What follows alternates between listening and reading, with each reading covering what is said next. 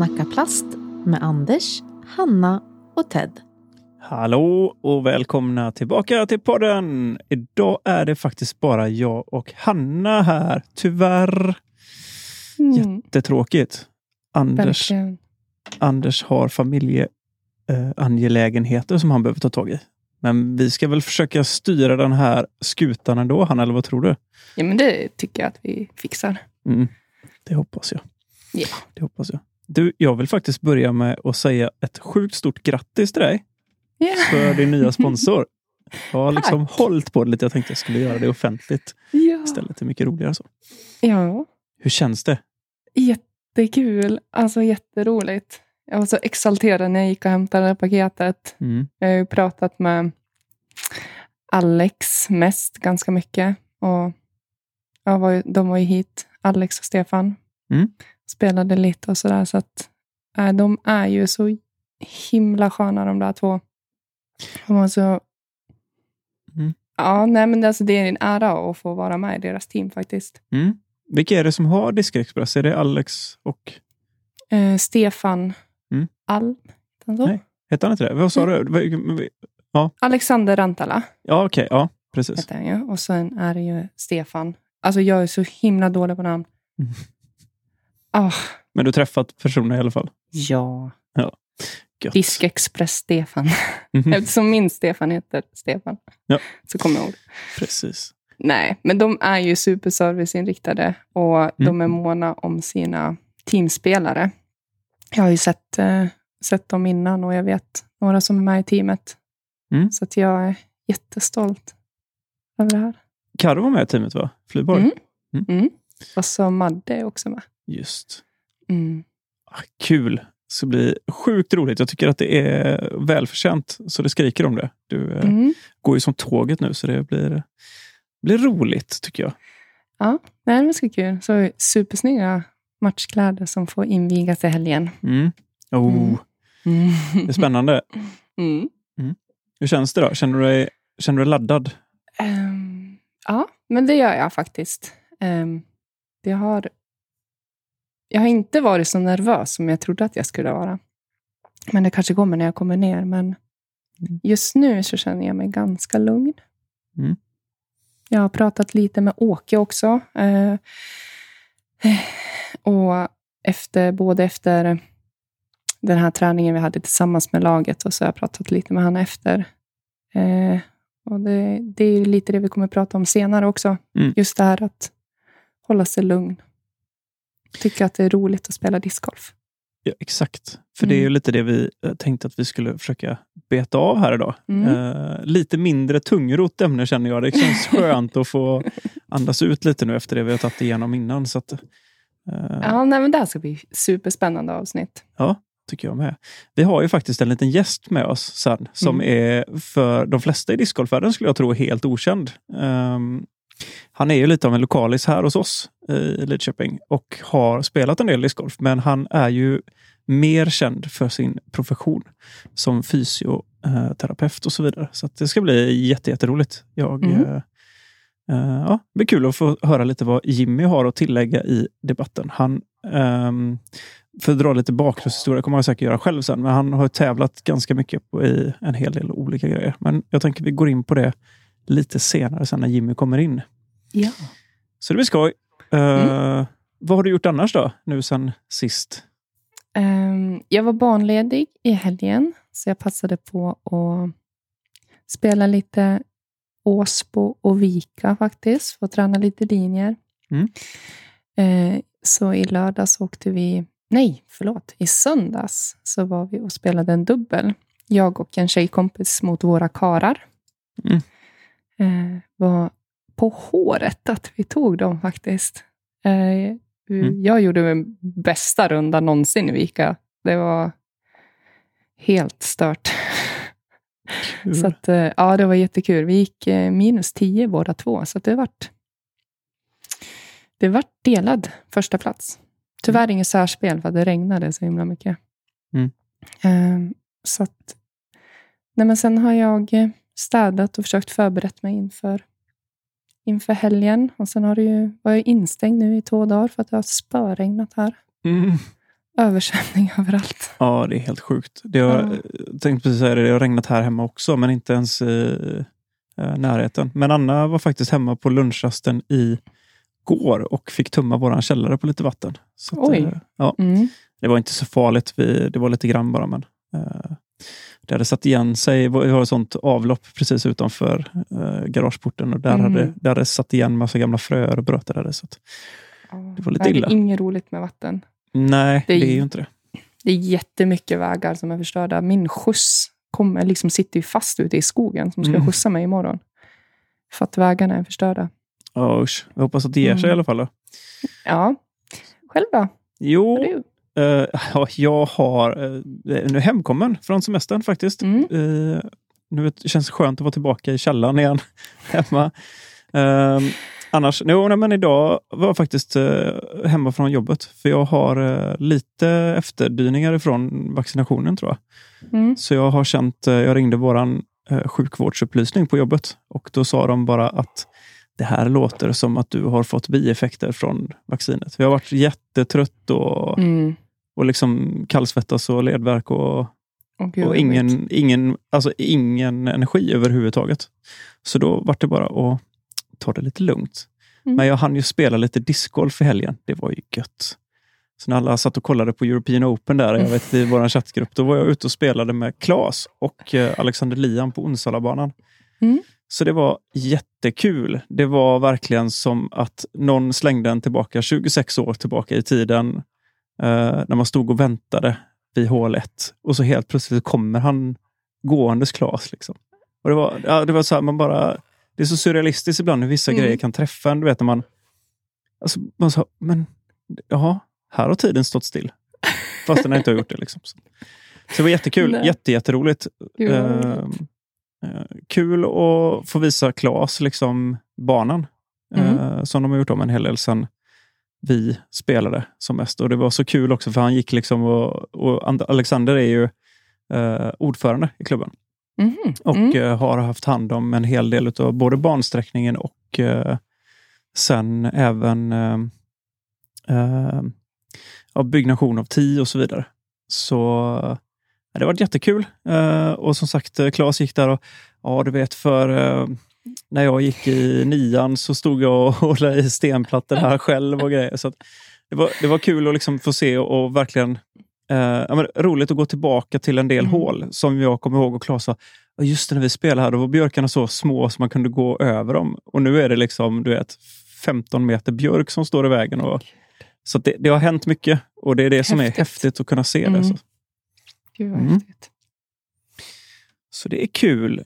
Mm. Ehm, men vi har ju suttit som på nålar också eh, här, du och jag och eh, hela kedjan tänkte jag säga. Ja, ja gud ja. Hela helgen.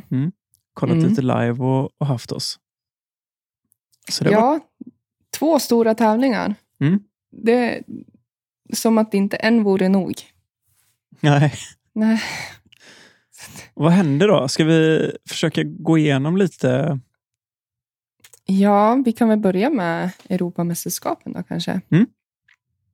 Eh, jag vet inte hur... Vi hade... Hur många svenskar skickade vi dit?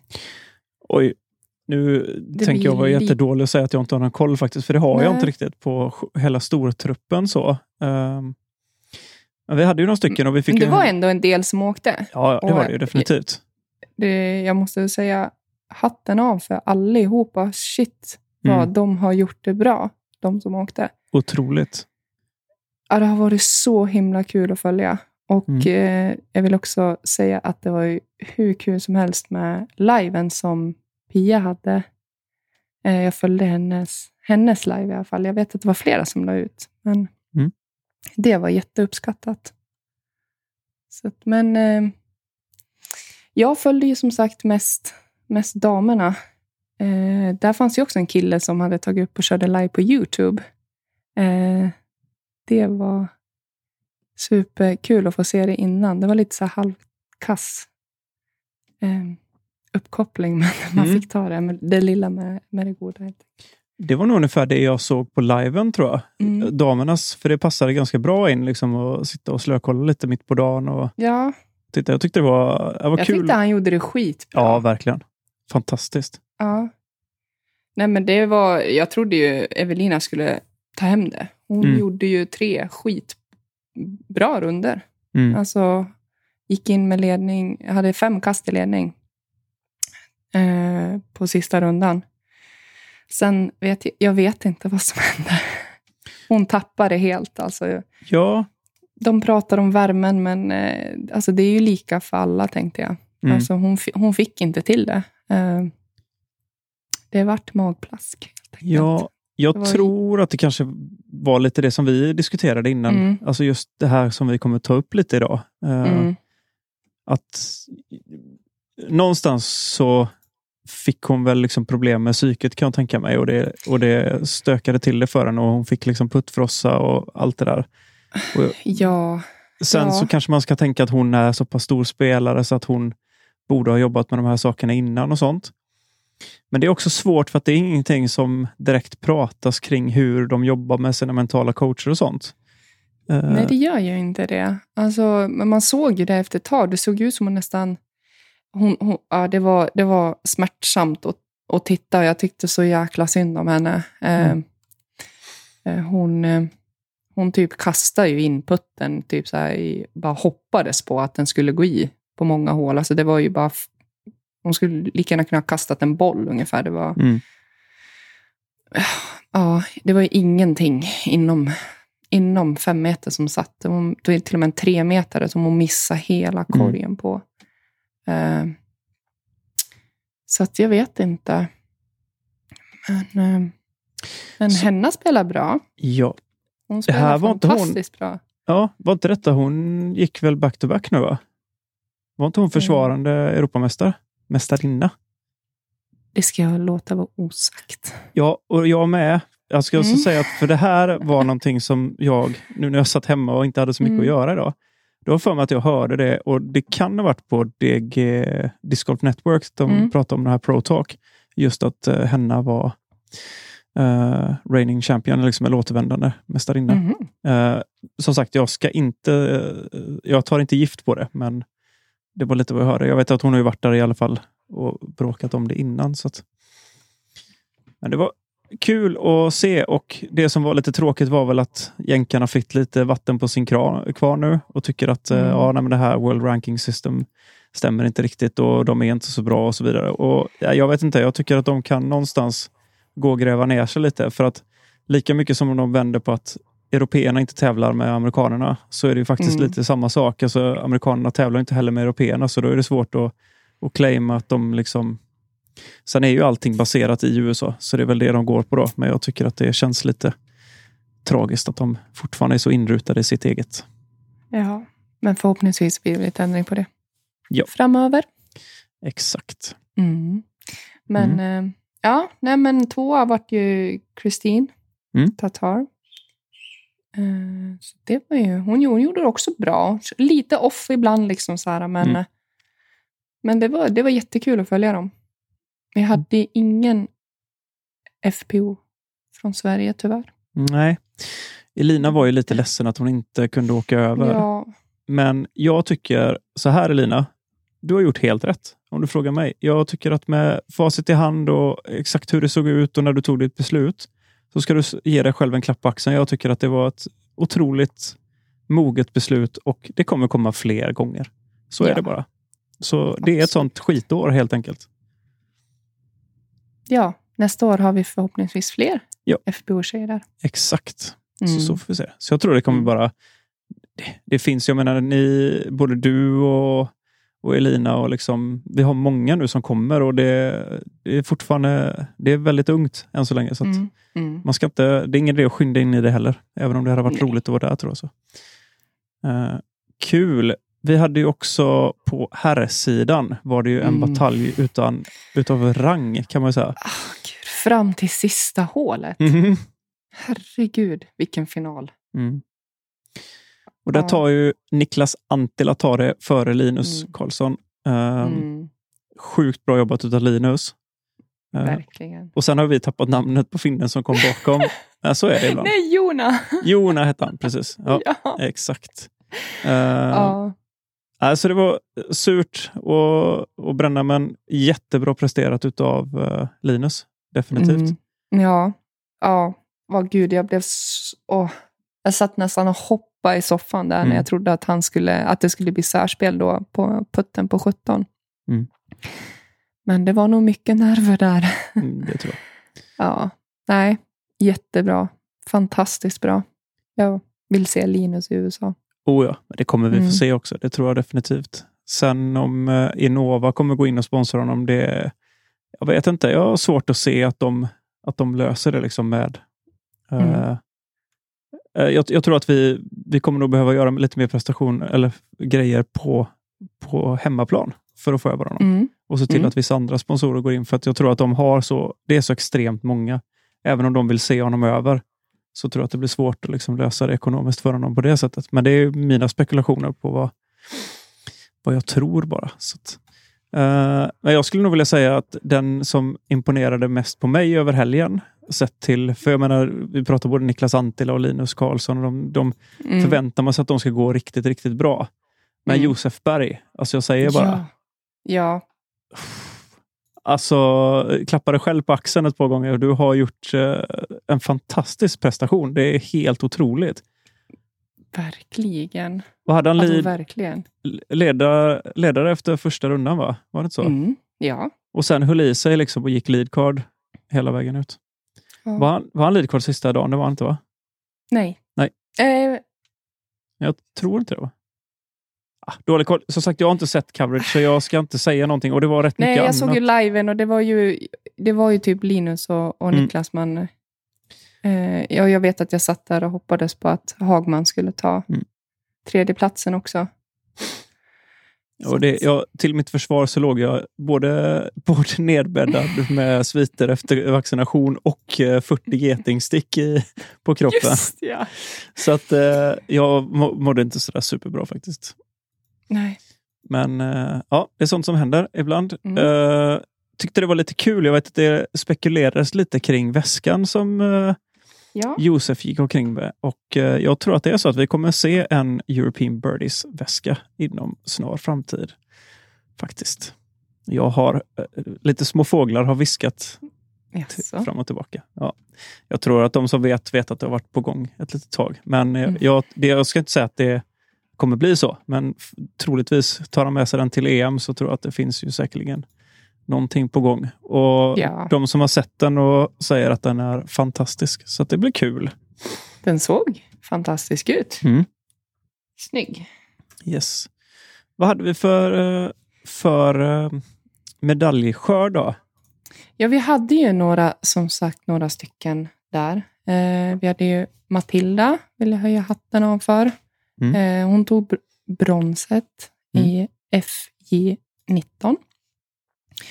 Eh, hon hade, jag tycker att alla hennes runder var, var jättebra. Mm. Eh, jag vet inte hur hon själv tycker, men jag, hon ska ju vara super, super stolt över sin prestation. Eh, stabila runder, alla runderna hon hade. Liksom.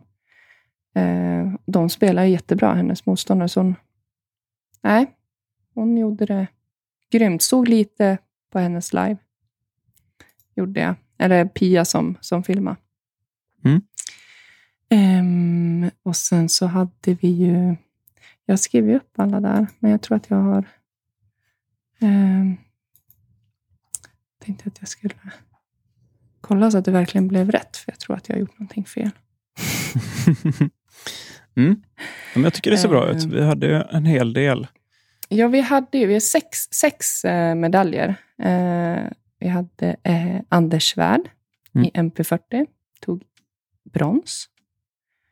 Men och så hade vi ju Rickard Kappling och Jonas Helleblad som tog eh, både guld, eller jo, Rickard tog guld och Jonas tog silver i MP50.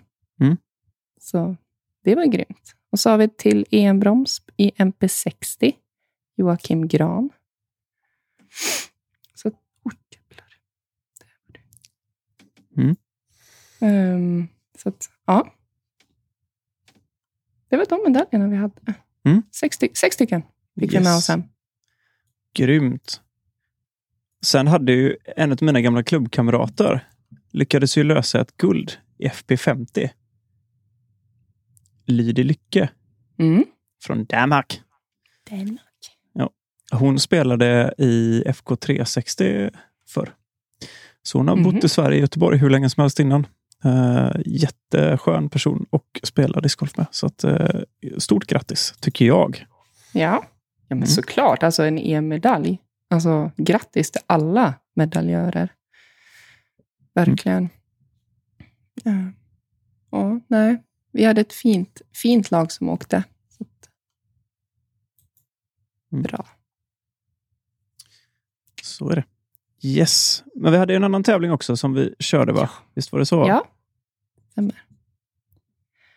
Idlewild. Heter. Mm. Herregud. Hur gick det där då?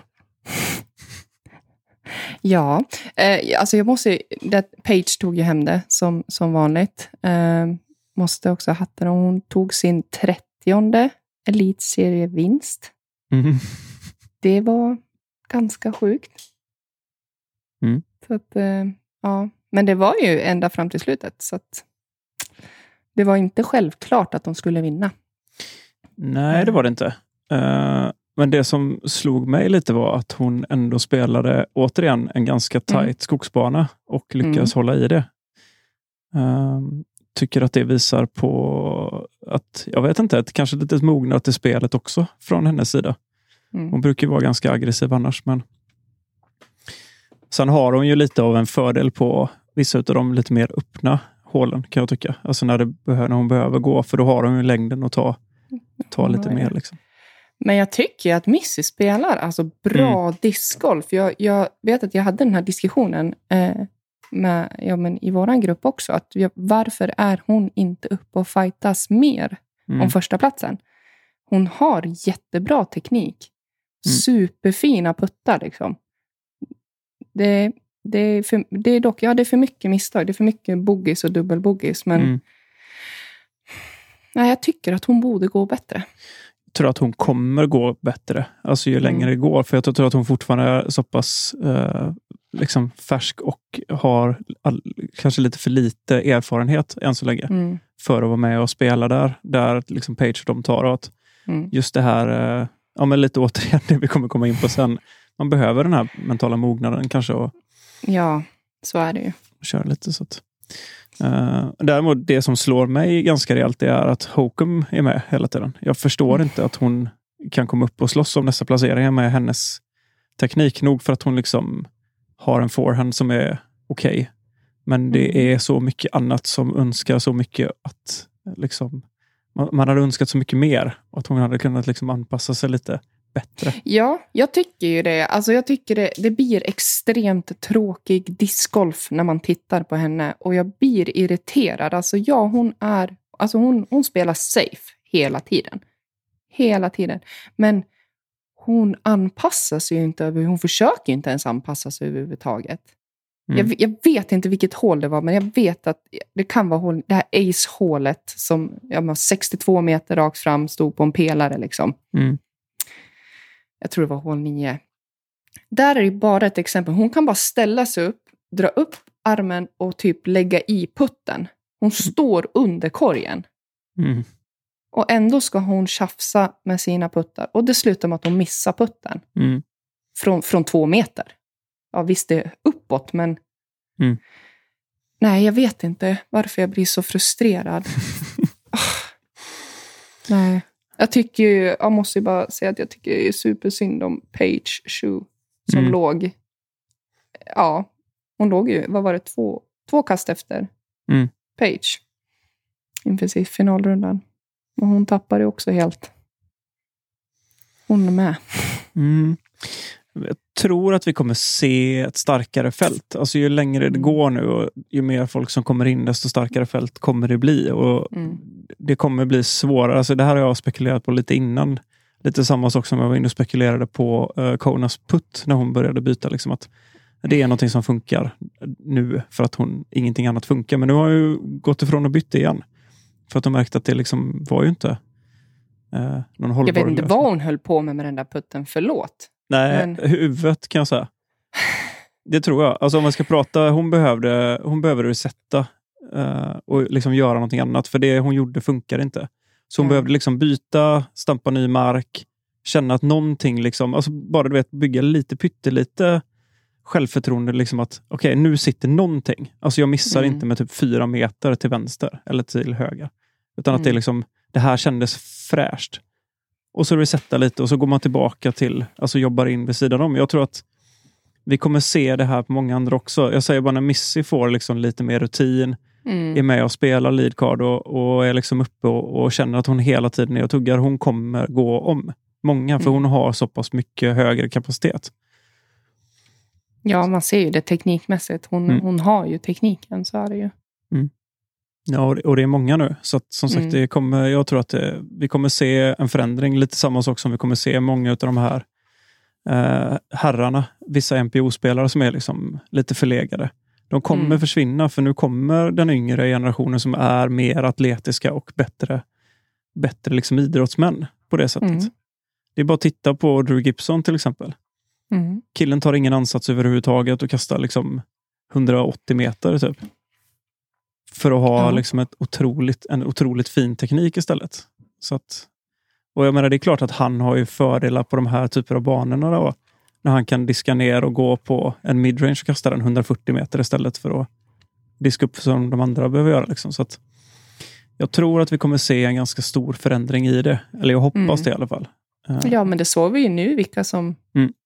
som, som var och fightade som första platsen Mm. på herrarna. Ja precis. Mm.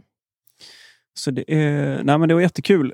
Det var, eh, och jag menar, vilket ormbo eller? Alltså Mm. snacka om när man satt och kollade liven. Det var ju helt galet. Fram Det hade till, kunnat bli sex personer i, I en playoff ja. Alltså, Ja, det är alltså helt galet. Så, alltså win, äh, vet du, Calvins inspel på hål nummer 18 Mm. ifrån skogen som han lägger på pinnen. Det var ju ja, det var så häftigt att se. Alltså vi, jag vet, vi satt ju där i gruppen och liksom alla var ju Mm. bara, alltså, vad är det som händer? Ja, det var helt sjukt. Mm.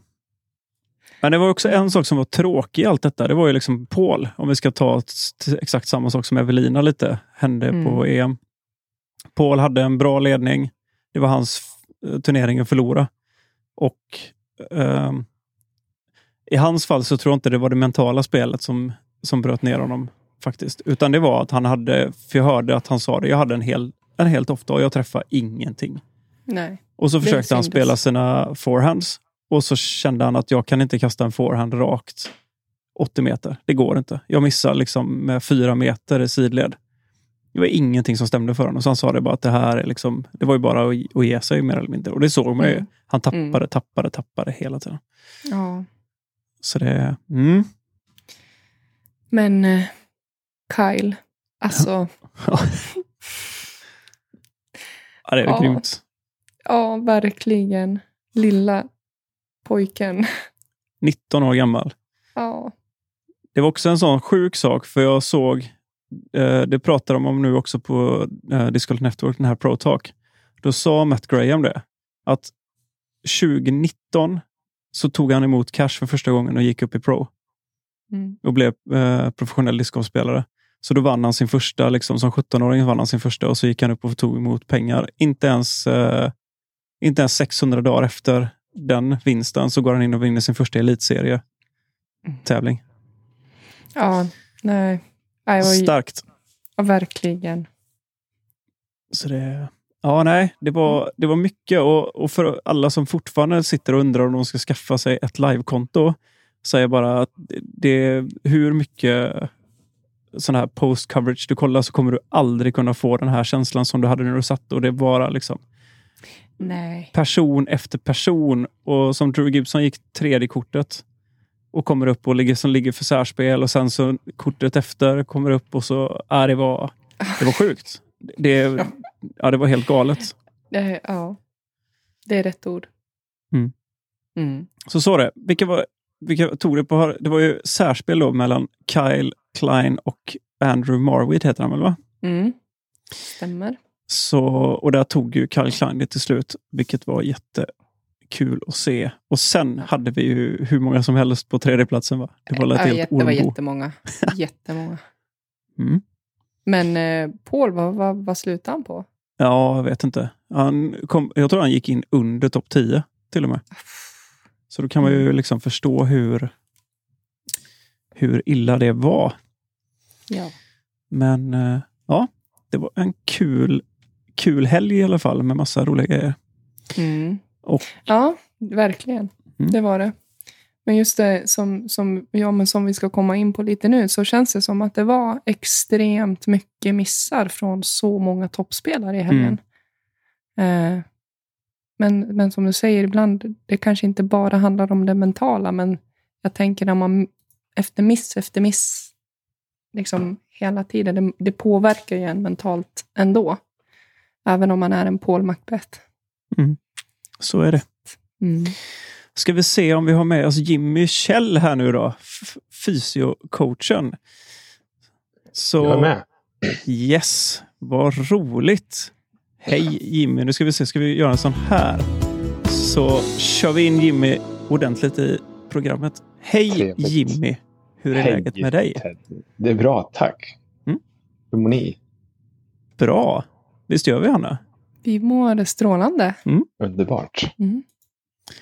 Roligt att ha med dig och framförallt gå igenom lite utav detta. Nu har du kanske lyssnat in dig lite på vad vi är inne och, spekulerar i med diverse. Har du sett någonting utav tävlingar som har varit här i helgen? Hur mycket följer Ja. du discgolfen? Jag kollar på uh, Jomes Pro, Mm. alltid deras eh, sammanfattningar. Mm. Eh, tyvärr bara på herrarna. Jag vet inte om de har. Har de för damerna också? Ja, eh, men det är ehm, GK Pro tror jag de heter som kör Mm. eh, Mhm. de, de delarna. De har ju en hel del olika sådana här mediebolag nu. Ja. Jag hade inte koll på det. Det får jag börja kolla för jag tycker det är kul. Ja, Oavsett. Det är jätteroligt. Och grejen är Mm. så det som är det fantastiska nu det är att de håller ju på. Förr var, fanns det ju inte ens livesändningar när Nej. jag eh, spelade för, eller liksom bara för några år sedan. Men nu har ju liven blivit så fruktansvärt bra. Härligt. Så du liksom, det är som att sitta och titta på en, ja, men en golftävling och de följer olika kort. Om det händer någonting så flyttar de över lite kameror och grejer. Så, att det, Mhm. Så det, var, det var grymt. Och en grej som jag tyckte som jag missade nämna lite där Hanna, som vi var inne på. Mm. Just det här hur bra det har blivit när man har expertkommentatorer som Nate Doss som sitter och märker till exempel när, nu när Paul då hade lite problem. Ja, men han har bytt sin puttteknik. Han har liksom ändrat lite i vinkeln. Alltså, så han släpper Mm. lägre nu och har liksom ändrat. Sånt får man inte på så många andra ställen heller. Och Det är så skönt att få det där och då. Så känner man så här, ja! Så man är helt inne i det. Det är kul. Ja, ja Mm. de, är, eh, de, de är med. Liksom. De har koll, mer koll än vad man tror egentligen. Mm. När man sitter där ibland och svamlar. Men jag tycker att de gör det skitbra. Så är det. Du Jimmy, jag- jag brukar köra lite sådana här snabba frågor. Jag tänkte vi kanske köra Mm. lite det på dig också så våra lyssnare får reda på lite vem du är. Gött. Jag är redo. Ja, och du heter ju som sagt Jimmy Kjell, eller Ja. hur? Mm. Ja. Vad jobbar du med till vardags? Jag jobbar som fysioterapeut och har nu Mm. startat eh, fysiocoachen. Mm. Eh, där jag jobbar som fysioterapeut och tar emot eh, kunder privat i eh, en lokal på Kroppslabbet i Mm. Lidköping. Det var nog där jag träffade dig första gången skulle jag tro. Ja, exakt. Mm. Vårt första Kroppslabbet. Nu är det, två, nu är det Kroppslabbet eh, 3.0 skulle jag säga. Ja, det är det faktiskt. Till och med. Ja, ja. Det har hänt mycket där. ja verkligen. Så det var kul. För du, du var ju med och startade första kroppslabbet som sagt och sen så flyttade du ner till Göteborg, va? visst var det så? Ja. Och pluggade lite. Exakt. Nej, ehm, det blev så att jag, jag och flickvännen var sugna på att dra dit eh, Mm. och bo där. Eh, och då blev det att jag sa upp stora delar av min, min, min, mitt äga, min ägarandel. Så nu äger jag Kroppslabbet till en viss del. Mm. Mm, men jag är inte längre med i driften om man säger så. Så nu är det tre andra grabbar. Mm, precis. Mm. Kul. Vad har du för familj? Du har en eh, flickvän, Ja, jag- Flickvän. sambo. Exakt. Eh, Sen har jag, ja, förutom det, har jag sju syskon. Mm. Eh, och eh, tio syskonbarn. Jösses. Ja, ja, det är härligt. Ja, det är gött. Försöker få dem att börja spela discgolf. Jag har fått en av, eh, en av syskonen att börja med hela familjen faktiskt. De köpte varsitt eh, starter kit. Gött. Bra jobbat. Ja, tack. ja, de uppskattade det. Ja. Men det är ju roligt och det är ett ganska enkelt sätt att ta sig omkring på och göra lite grejer. Eller? Ja, exakt. Alltså, och att komma ut, alltså ett enkelt sätt att komma ut i skogen och att, att få leka lite, det behöver ju vem som helst. Mm. Exakt. Vi brukar ju fråga hemmabana och jag vet inte, hemmabana har vi ju knappt någon i Lidköping än så länge. Så att, Ja, men jag tycker ju Mellby känns verkligen som en hemmabana. ja, det gör det faktiskt. Det håller jag med dig om. Det är Jag har väl spelat- det. Jag har spelat över vet inte hur många runder i år.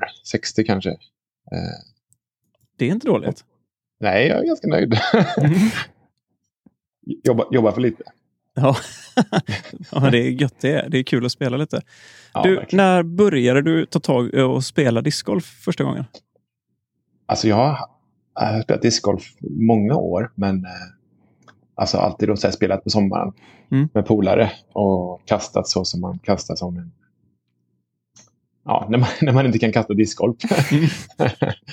Eh, så som man tror man ska kasta. Eh, och haft kul med det liksom. Men så förra året eh, så blev jag permitterad eh, när jag bodde i Göteborg. Mm. Och då kände jag att eh, jag får börja göra någonting. Eh, så då började jag spela mer, titta på YouTube, filma mig själv, ja sådär. Eh, och sen har det bara eskalerat. Nu är du fast. Exakt. Eh, Härligt. det klassiska när folk eh, börjar skratta åt en kompis när man köper discgolfväska. Eh, Mm. Då är man fast på riktigt. Mm. För vänta bara, jag, jag, nästa inköp nu blir en eh, vagn för min del. Så att, då vet man att det är ännu värre. Ja. Ja, där är jag inte riktigt där. Men jag börjar kika på en till discgolfväska i alla fall. Då är man... Ja. Mm. Lite större, lite bättre. Exakt. Ja, men så är det faktiskt. Ja. Du, eh, vilka tre diskar har du som du inte klarar dig utan just nu? Eh, ja, men framförallt är ju... Jag gillar min, min Petra Reko. Mm. Eh, Kastaplast. Den tycker jag är grym. Eh, jag är tvungen att lägga fram de här så jag ska se vad de heter. Eh, jag, jag, jag har börjat nu lära mig att kasta distance. Det, det tycker jag är jäkligt kul. Mm. Eh, och då har jag en eh, Innova Champion Turn heter den va? Mm. T-E-R-N. Mm. Eh, mycket trevlig. Mm. Eh, jag börjar få lite längd på det så det är jättekul. Eh, och den sista får jag väl säga Mason då. Mm. Eh, Latitud 64. Ja, grymt. En bra Ja. blandning diskar och eh, fina Mm. diskar också. Nu, Anders hade ju varit supernöjd på det här nu när du har en eh, Reko som är ändå hans favoritmärke där. Ja, det är så. Ja, jajamän. Ja, men det är trevligt. Jag försöker tänka, eh, nu när jag köper diskar, så tänker jag ju svenskt. Eh, Mm. Och kasta plast tycker jag är trevligare. Är så roliga namn också. Mhm. Grym, Falk, alltså det. Du vet att de gjordes i... Uh, vissa diskar görs fortfarande i Götene. De började ju i Vinninga för ett tag sedan. Ja, jag hörde rykten om det, men Ja, eh, det, visste, jag inte. Nej. Det var så Anders kom in på det från första början. Han var ju... Uh, höll på på något sånt plastföretag i Vinninga förr. Mhm. Så det var så han kom i kontakt med Kasta Plast för första början. Så han var ju med och tog fram de första diskarna i Vinninga. Häftigt. Mm. Ja, det är Då är det jättekul. ännu, ännu viktigare att köpa kasta plast då. Ja, precis. Precis. Så att det, nej, det var jättekul faktiskt. Ja. Uh, gött. Du, vad tycker du om koriander? Eh, jag har börjat lära mig, men eh, snabba svaret är väl nej. Ja. Yes. Alltså det vi håller samma. Hanna. Ja. Nej, usch. Ja, Djävulens krydda. ja, det är så. Ja. Ted då? Nej, jag älskar det. Ja, Mm. det är ju så. Det är som vattendelare, det är det som är grejen. Ja, det är lite därför den är verkligen. lite rolig att ha med också så här ibland. För att det är, ibland blir det lite en diskussion. Jag tror att var det Jonathan tror jag, på Latitud sa det att tvål, det har man i duschen, sa han. Mm. ja, men det är bra. Jag, jag gillar när man är bestämd i sina åsikter. Jajamän. Ja, så, så länge de inte är fel då. Nej, Nej, precis. gött.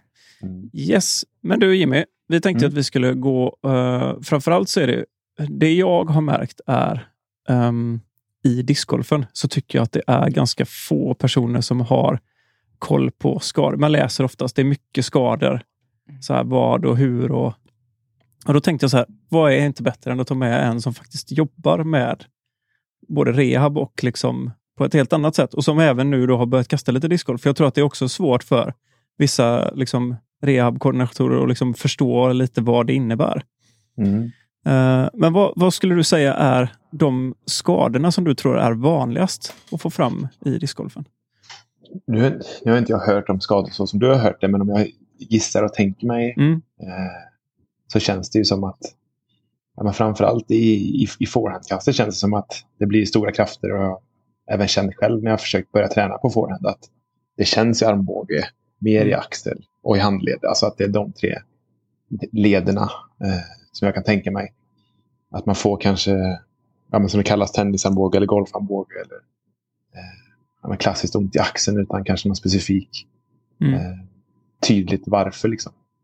Eh, det är väl det jag skulle gissa. Mm. Jo, det skulle jag tro också. Sen, det jag har märkt är väl lite, vissa har problem med knäna och sånt. Mm. Ehm, och det kan nog ha att göra lite med typ ansats och vilket typ av material eller skoval och alltså just friktion och vridning, vridningsmomentet i knät tror jag. Absolut. Ehm, Och det sen- blir ju mer och mer belastning där tänker jag. Alltså, ju bättre man blir, desto mer lägger man kraften rätt om man säger så. Att man lägger kraften på högerfoten om man är en, en högerhand kastar backhand. Mm. Eh, så är det väldigt stor eh, alltså startkraft. Liksom. Alltså, Mm. Kastet startas väl där om man gör det rätt, om jag har förstått det rätt. mm. Eh, Och sen liksom just det att så plantera foten och så vrida runt och så den här explosiviteten Precis. som ändå kommer. Att du går från ganska, eh, ganska eh, vad heter det? lugn ansats till att liksom accelerera ur ganska snabbt. Så det tror Ja. jag också är en sån sak som jag tror folk har haft lite problem med. Och det tror jag just när man börjar och jobbar med det. Alltså den här mängdträningen som jag tror vissa kan stå så kanske man inte riktigt värmer upp sådär superbra innan heller utan man liksom går och maxar bara. Exakt. Och det, det, det tror jag är en stor anledning. Att man är... Ja, men, två anledningar som du säger. Man värmer inte upp. Eh, lederna och musklerna är, liksom inte, de är inte redo än. Det finns ingen cirkulation tillräckligt där liksom, eh, för att börja kasta eh, med mer kraft. Eh, och har du... Jag gissar att det är många som inte kanske lägger in specifik styrketräning eh, för knän eller för övriga kroppen heller. Det är min kanske eh, min förutfattade mening om discgolfare. alltså, i, I alla fall de som kanske inte spelar pro eller så. Eh, Nej. Sen hoppas jag väl att proff, proffsen tränar styrka och får rätt hjälp hur de ska träna. Men det tror jag att man är ofta svag i knäna. Ja, jag tror det också faktiskt. Alltså, lite av, men jag kan ju bara gå tillbaka till mig själv hur, hur min, liksom, eh, när jag tävlade som mest eller spelade som mest. Jag Mm. tror att jag, alltså då, 90-talet så pratade man ju inte om uppvärmning på det sättet. Man stod och kastade lite eller vevade armarna ovanför huvudet en stund och sen så gick man ju och maxdrivade med en putter. Liksom. Ja. Ehm, så det tror jag är en grej som inte... Och det är ju sånt som jag har tagit med mig nu när man blivit lite äldre. Att man förstår att liksom så här, men uppvärmning kanske ändå är bra. Så kroppen behöver ju liksom en liten startsträcka på sig. Exakt. Ehm, Och sen tror jag lite som du, har snackat om innan eh, idag här. mm, Inför det här. Att eh, pratar om stretching. Liksom, att vissa ska hålla på och stretcha bara liksom, statisk stretch. Och det är också lite så här, någonting som man gjorde mycket förr tror jag. mm, Och fortfarande många bär med sig den liksom förlegade kunskapen om att, att man ska stretcha innan träning. Eh, vill man eh, liksom öka sin rörlighet, eh, om man har då, låg rörlighet, då är det bra att stretcha. Men då är det bättre att göra det efter ett pass. Eh, Mm. När kroppen är varm liksom, och musklerna är redo för att tänjas.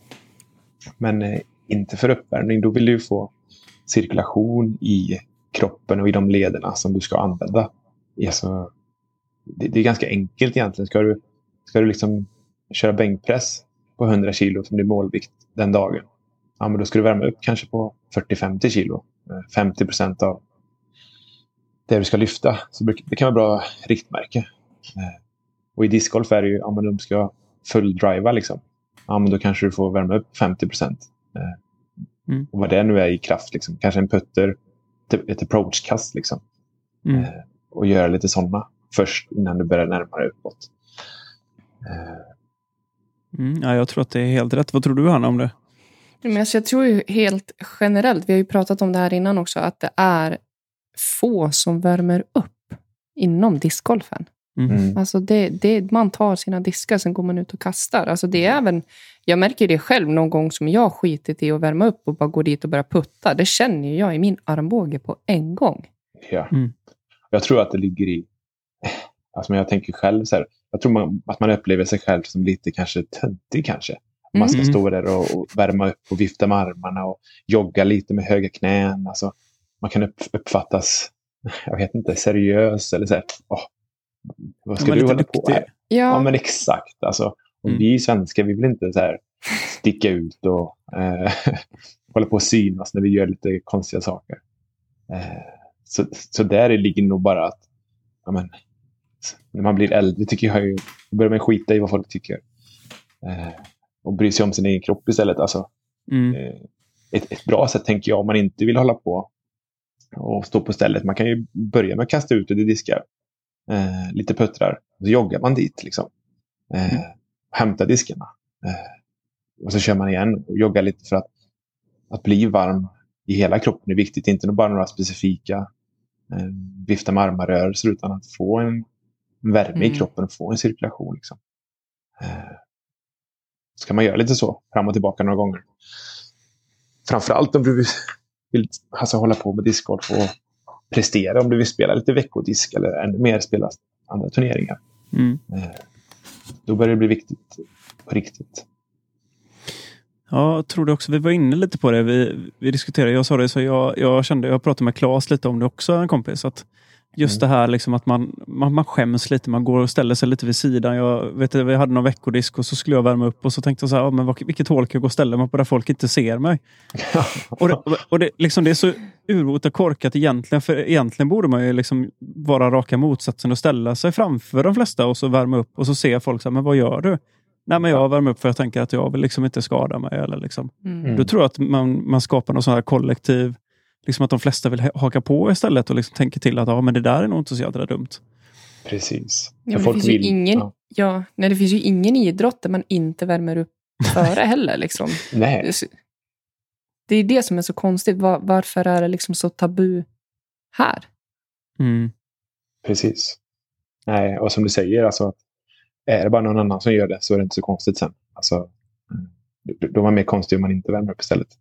Eh, en liten parentes. Eh, vi, vi körde brännbollsturnering på kroppslabbet med ett stort gäng. Så att vi delade upp oss i lag och det var jättestrikta regler. Och, eh, vi hade mätt upp så att planen skulle vara i rätt storlek och sådär.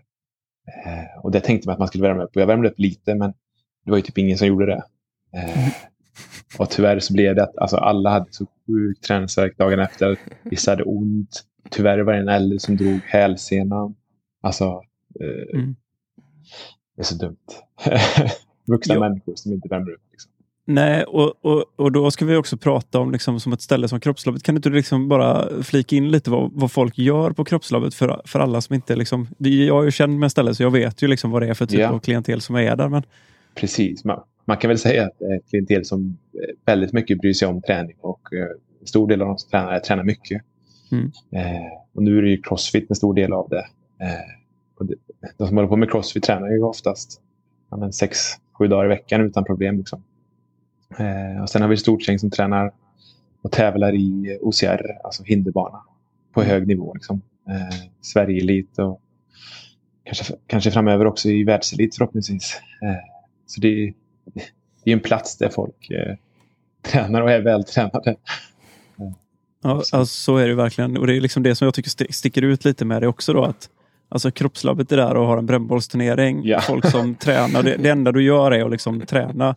Alltså just Ja. hinder, hinderlöpning och allting. Och, och det, så det är ingen som värmer upp heller för att man Nej. tar det inte så seriöst. Exakt. Eh, man tror att det är en lek som de har i skolan. Liksom. Att, eh, Mm. att det ska funka på samma sätt. Eh, så, så det krävs nog en, eh, en- förändring av synsätt helt enkelt på det man håller på med. Eh, ser man det bara som en lek eh, eller ser man det lite mer allvarligt? Liksom?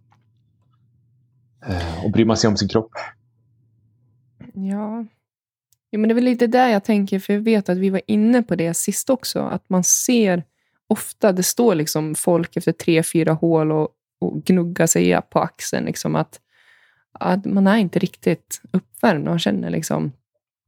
Och ska man gå två runder då är det ju då är man ju körd. Ja. Och speciellt när man börjat få lite besvär och att det blir återkommande. Liksom. Mm. Eh, är man helt kry och aldrig känner någonting, då märker man väl inte av att uppvärmningen betyder någonting.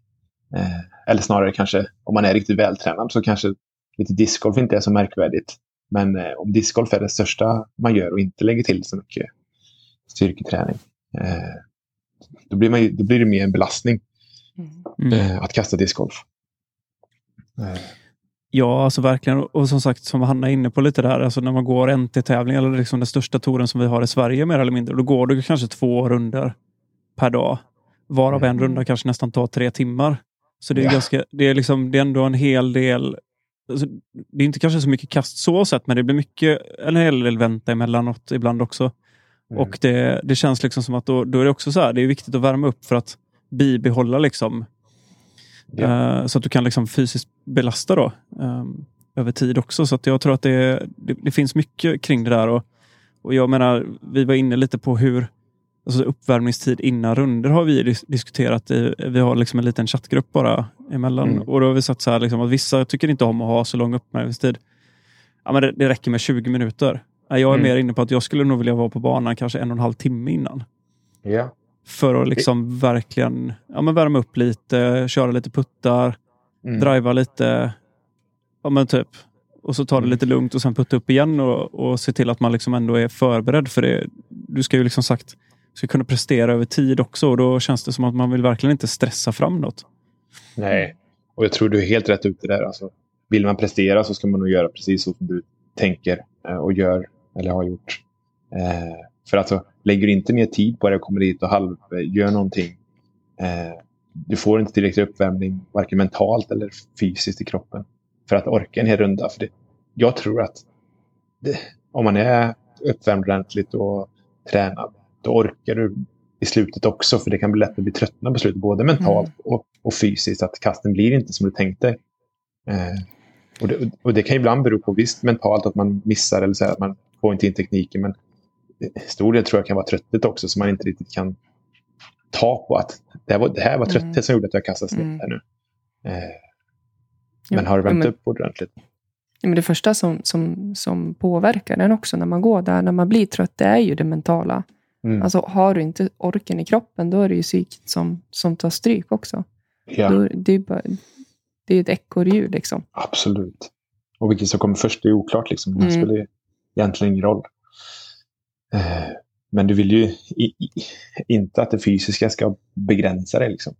Eh, för, för så länge tror jag att det fysiska eh, funkar för dig, då det, tror jag att det är lättare att det mentala eh, finns Mm. där också. Mm. Eh, Mm. Börjar du kasta snett då, då, då blir det lätt att psyket eh, tar en knäpp. Liksom. Så här, vad gjorde jag nu då? Kanske man ska ändra på någonting. Och så. Eh, Mm. Gå ifrån sitt så här, avslappnade, sköna kast. Liksom. Mm. Ah, fan, nej, det här gjorde jag nog fel nu. Det får jag nog korrigera här. Eh, och det är nog lurigt. Mm, det tror jag med faktiskt. Så att det, hur tänker du Hanna kring liksom, förberedelser inför stora tävlingar och sånt? Hur, hur känner du? Jag var, som sagt, jag var ju lite inne på hur mina tankar går kring det. Och jag var dålig på det förr, men jag tror att jag kommer bli bättre på det nu. Ja, ja alltså min, mitt, mitt största hinder har ju alltid varit det mentala, alltså spelet. Alltså jag, jag, jag har inte vetat hur jag ska förbereda mig mentalt. Alltså jag, träna kan jag liksom. Alltså jag, kan, jag har ju tränat också på elitnivå. Eh, spelat hur många sporter som helst. Så träning är liksom inget problem. Det, det, det, tycker jag, alltså det tycker jag bara är roligt. Sen blir det den här fighten med mig själv som, som har varit det som har varit svårt. Ehm, så att jag är nog mer att jag behöver tänka mig in i tävlingen, liksom den som kommer. Ehm, inte så mycket liksom fokus på ja, men hur, ja, men nu måste jag kasta jättemycket kast, nu måste jag driva, de här drivarna måste sitta, utan det är mer att jag måste lura mig själv på något sätt, att jag har varit där så att jag blir lugn i mig själv. Eh, så det, det, det är, är det jag som liksom jobbar med mest. Men Vad är det på liksom, vad är det i det mentala som du kan tycka är jobbigt? Då? Eller vad är det som händer på banan när det mentala spökar? Eh, men jag vill ju jättegärna vara bäst. Alltså, eh, och sen när jag är bäst så vill jag vara ännu bättre. Eh, alltså det, jag blir typ aldrig nöjd. Det har Mm. varit min akilleshäl. Alltså jag blir aldrig nöjd. Alltså jag kan spela hur bra som helst och någon kommer fram till mig. Fan vilken bra runda. Nå, alltså jag missade den där putten på nian. Mm. Det, det, det är det enda som sitter i mitt huvud. Eller har suttit i mitt huvud. Ja. Eh, det har jag jobbat bort väldigt mycket. Jag måste jobba med det hela tiden, för det är så lätt att det kommer tillbaka. Hur gör du då? då? Eh, nej men då, jag försöker hitta de här eh, positiva grejerna. Alltså, jag, jag, pratar, jag försöker prata om de positiva sakerna först. Att det är de jag ska ta med mig därifrån. Eh, sen efteråt får jag tänka, okej, vad var det som inte funkar? Vad, är det någonting jag behöver träna på? Eller är det någonting som bara blev tokigt? Alltså inte gå ifrån en tävling eller en träning att fan, nu funkar inte det där. Nu, nu kastar jag skitdåligt igen. Och, utan fan vilken bra putt jag gjorde där. Eller inspelarna satt. Även om typ 18 utkast inte funkar så kanske 18 inspel funkade. Och då tar jag med mig de där 18 inspelen. Eh, Det måste bli mycket roligare då också att kasta. det, det blir jättemycket roligare. Men alltså någonting som jag har jobbat med jättemycket, det är att jag blir medveten om vad jag tänker. Vad är det jag tänker nu? Varför tänker jag det här? Och hur känner jag när jag tänker det här? Alltså, det, det har hjälpt mig alltså, hur mycket som helst.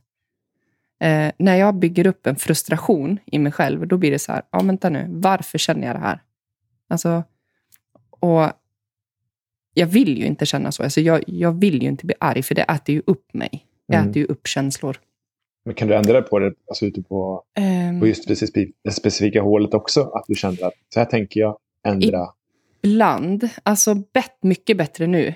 Eh, jag har ju gjort en extremt eh, stor eh, resa framåt, absolut. Innan kunde jag ju liksom ställa mig och grina mitt på, på, på fairway Just. och vilja gå hem och kasta diskarna åt fel håll. Nej, men så att jo, jag blir bättre. Eh, men det handlar ju också om hur har jag typ ätit? Hur har jag sovit? Hur, Mm. hur, hur tränad är jag verkligen inför det här? Alltså har jag fuskat med mat och sömn och ja, men den här vardagliga motionen som jag behöver? Då Ja. blir det svårare. Ja, det- det... låter ju väldigt klokt. Eh, Alltså så som du har tänkt och jobbat på det. Och att du har jobbat på det. Mm. För det, det måste vara en jätte... Nu har inte jag tävlat alltså, typ någonting i discgolf, men jag kan tänka mig att det måste vara otroligt mentalt. Alltså så här, eh, det är ju en mental sport, för jag tänker att man vet ju att man kan putta. Men det är en Mm. jävla skillnad att stå där på tävling och eh, veta att du kan putta då. Eh, det måste vara en otrolig skillnad. Det, ja, men det är det ju verkligen. Och det är det som jag känner att den mentala träningen har blivit så här åsidosatt. I alla fall när jag pratar med jättemånga damtjej, alltså damspelare runt, runt omkring mig. För de pratar att äh, men jag är så tuff med det mentala, jag vill inte vara med. Nej, men det är så... Mm. Det, är liksom, det, det blir press från, från omgivning och sig själv eh, när man är på tävlingen. Men sen när det blir träning, då, då blir det så här, då är allting frid och fröjd igen. Och så går man och roligt och skrattar och har en jättebra runda. Mm. Eh, när man kanske där och då ska ta med sig de här bra rundorna men ändå ha någon form av mental träning i det. Precis. För jag tror att man tappar det och det är det som gör att det är så många tjejer som backar också i tävlingar. Att nej, men jag är inte mentalt förberedd. Nej. Eh, utan man lägger liksom ingen, ingen fokus på det heller. Exakt. Jag tror, jag, jag tror det är precis så. Och som du säger, att det, alltså, tyvärr känner jag ju då alltså att, att många kvinnor tänker så. Alltså, Mm. Att man ser sig själv på lite annorlunda sätt. Jag kan bara gå till hur jag min flickvän tänker. Liksom, så här. Jag ser ju mina prestationer alltid som att jag är bättre. Alltså, så här, jag tror på mig själv jätte, jättemycket. Liksom. Mm. Överdrivet. Medan hon är på andra sidan. Och tror inte på sig själv alls.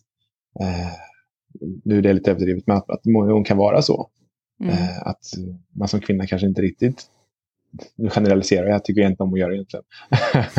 Men att eh, det ofta kan vara så. Eh, Och att man då behöver jobba på det mentala spelet, precis som du har gjort där. Jag kommer att tänka på eh, Kjell, Enhan, Kjell Enhager, heter han va? föreläsare och jobbar med motivation och har hjälpt så här, eh, elitlag, eh, Mm. elit, vanliga golfspelare. Och så minns jag det här just som du säger att man ska liksom fira sina, sina bra kast också. Mm. Sina bra slag och inte bara komma ihåg de dåliga. Och att då ge sig själv någon, liksom, något firande. Så att man tyst för sig själv sa han till den här golfspelaren då, att hon skulle knyta näven varje gång hon gjorde ett bra slag i fickan. Eller så här. Hon ville inte göra det utåt. Eh, att ta med sig det liksom på banan. Att kasta ett skitfint utkast eller ett jättebra approachkast som du kanske tycker att du ska göra. Eh, så här, jag ska alltid göra sådana kast kan man ju tycka. Men Mm. fira de kasten då. Eh, Mm. Med lite så här, gött. Det här gjorde jag bra.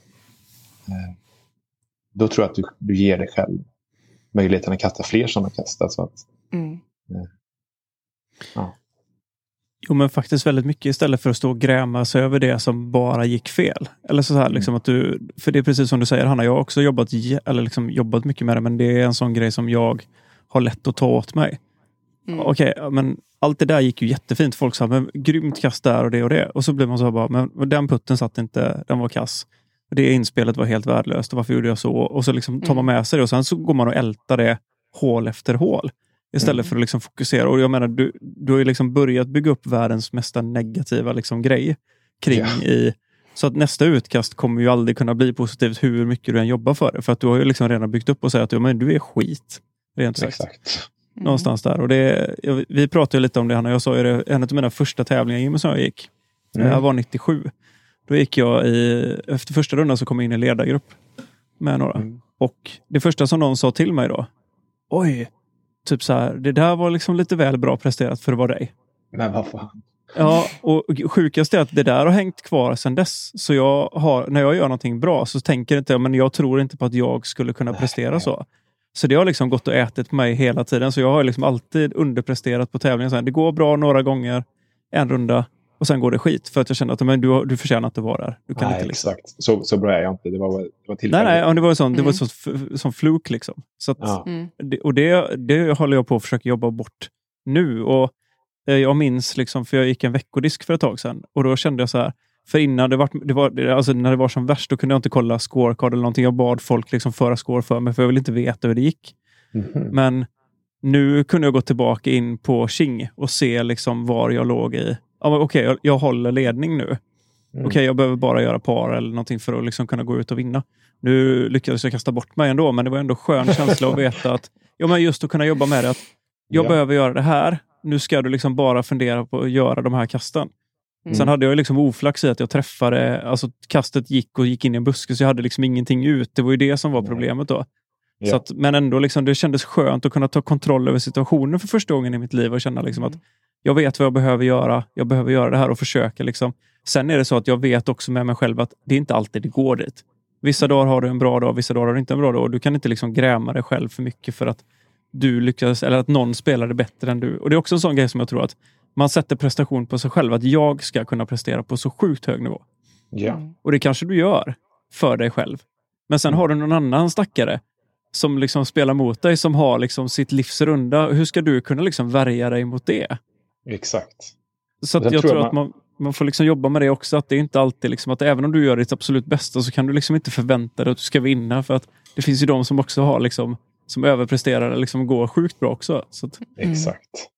Och så tror jag ju att man så här, tänker att när man går på sin ja, typ hemmabana, man har koll på hålen.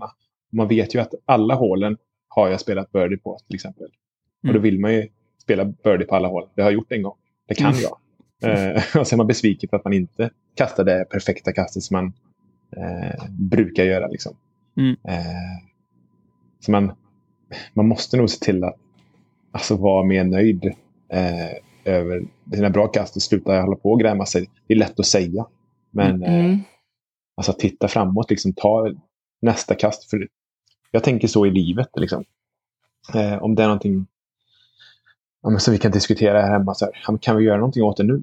Så här, nej, det kan vi inte. Varför ska vi gå då och vara bittra eller ledsna över det? Liksom? Eller varför ska vi gå och älta det här? Det här är Mm. gjort, det här har hänt.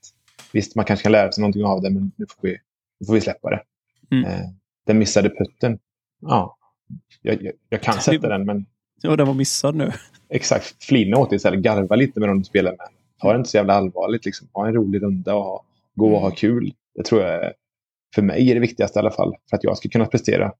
Mm. Eh, att jag kan gå och köta lite med eh, personerna i samma kort heter det va? Mm, Mm. Eh, precis. Ja. Men du kan ju aldrig göra om ett kast. Nej, Det är väl lite där. Liksom, om det blir ett dåligt kast, istället för att gå och tänka fy fan vad dåligt kast, varför träffar jag det där jävla trädet? Liksom. ja. Och då kan man istället liksom tänka, okej, nu går jag fram till min disk och nu ska jag göra ett bra inspel.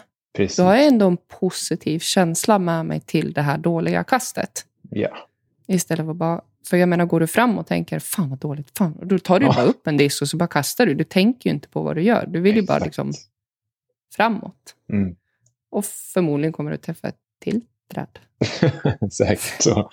Säkert så. Nej, men jag har haft en jätte... Jag har en, en, en nära vän eh, till mig som, som har börjat spela discgolf nu. Och hon har ju också... Hon, jag känner ju igen mig så himla mycket i henne. Hon är ju där jag var för ett och ett halvt år sedan. Liksom. Mm. Eh, det är lite som att jag predikar för mig själv när jag pratar med henne. Det, det, är- det, det är lite roligt. Men, eh, men hon är också så här, ja, jag vet att jag kan. Varför går det inte?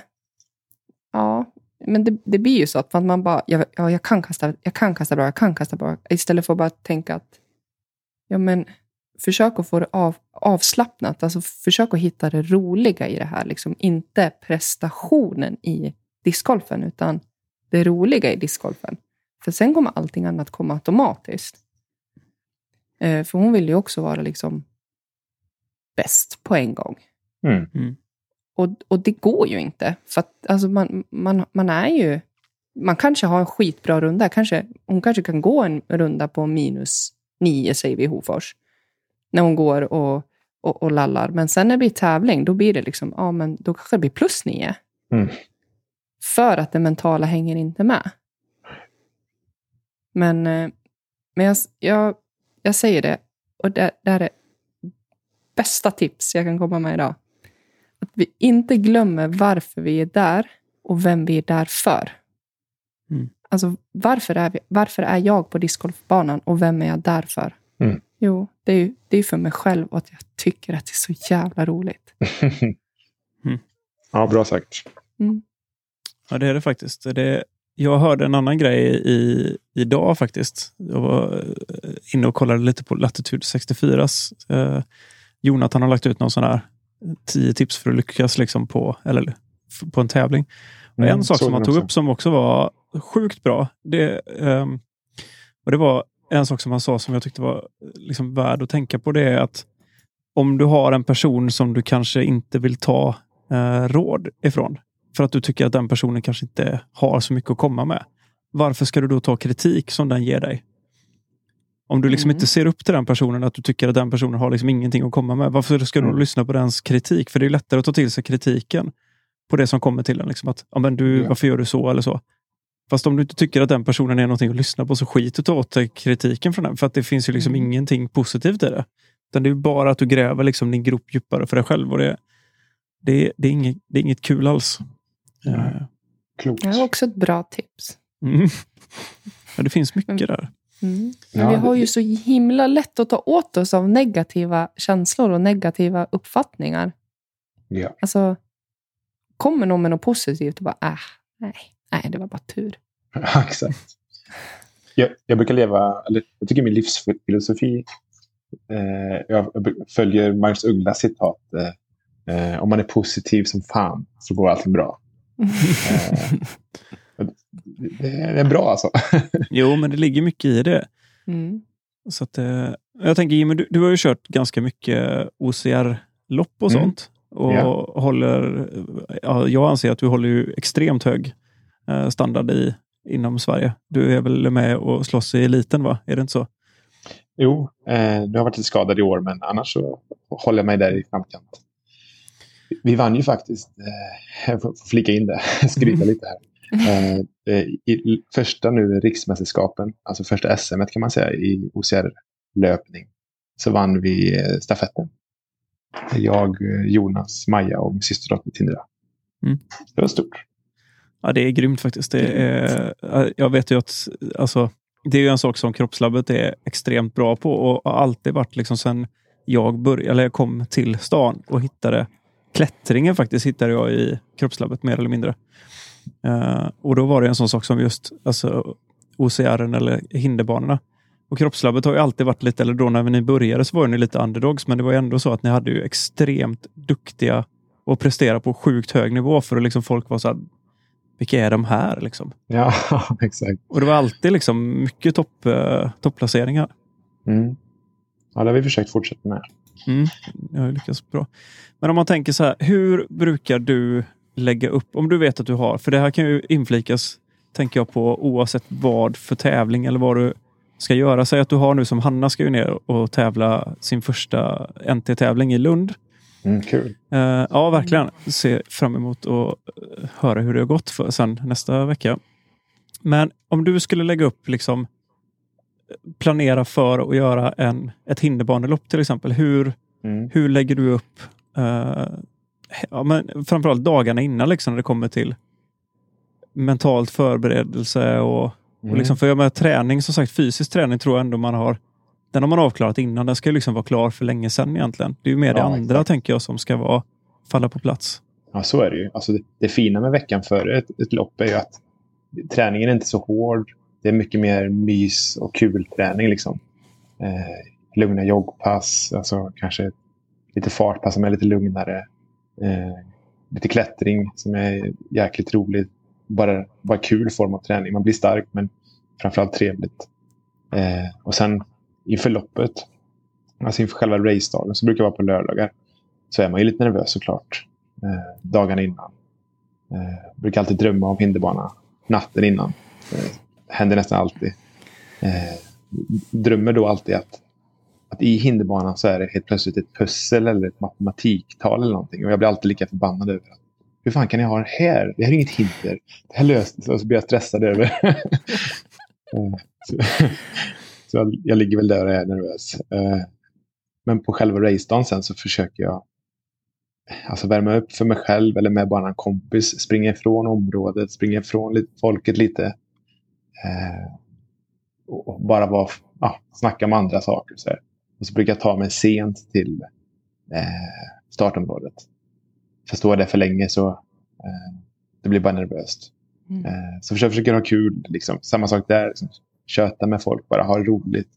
Om folk frågar hur jag mår, hur min kropp mår, det är klassiska frågan. Så svarar jag alltid att den mår 100 procent. Den är, den är kung idag. Liksom. Eh, ni kommer inte ha en chans. Så Alltså, för vem vill höra om mina skavanker? Då? Hjälper du mig att tala om skavanker? Nej. Eh, och på något sätt brukar man ändå så här. Eh, jag har ju alltid lite småont någonstans. Alltså, vem fan har inte det inför ett lopp? Liksom? Eh, men, men på själva loppet sen har jag ju sällan ont. Eh, och sällan be bekymmer av de problemen som jag trodde jag skulle ha besvär av. Eh, och då veta om det. Att alltså, kör på bara och låt, låt andra tro att du är i, i king-form också. Eh, mm. För då, då, om det blir en spurtuppgörelse eller personen springer bakom dig så kommer den ihåg vad du sa där. Fan, han var jävligt stark idag. Jag skiter i hans rygg. Jag får släppa honom. Eh, mm så försöker jag tänka. Det är nog rätt bra grej, Hanna, just det här mentala övertaget. Att man, man kanske går ut med, men, eh, man behöver inte bluffa så sätt, men man, man kan ju gå ut och känna sig, liksom, alltså för, och för sig själv också, att ja, men jag är mm. stark idag. Alltså jag löser ja. detta. Liksom, och, och kommer du då till ett särspel eller någonting och så vet att ja, men självkänslan är det inget fel på, då är det också mm. svårt liksom, att Ja, ja men jag, jag tänkte på det nu, precis faktiskt nu när du sa det. Eh, det här med on, alltså, det är ingen som vill höra om min, vart jag har ont och mina bekymmer. Eh, jag tycker ändå att det är många som bara, äh, fan, shit, nu har jag ont i knä, ont i armen. Och liksom mm. det, är det, blir, blir det någon form att man vill ursäktas om det skulle vara liksom att man gör någonting dåligt. Alltså jag tänker hjärnan är ju fantastiskt bra på att anpassa sig. Alltså den vill ju alltid hitta den enkla vägen. Eh, blir det liksom som en ursäkt.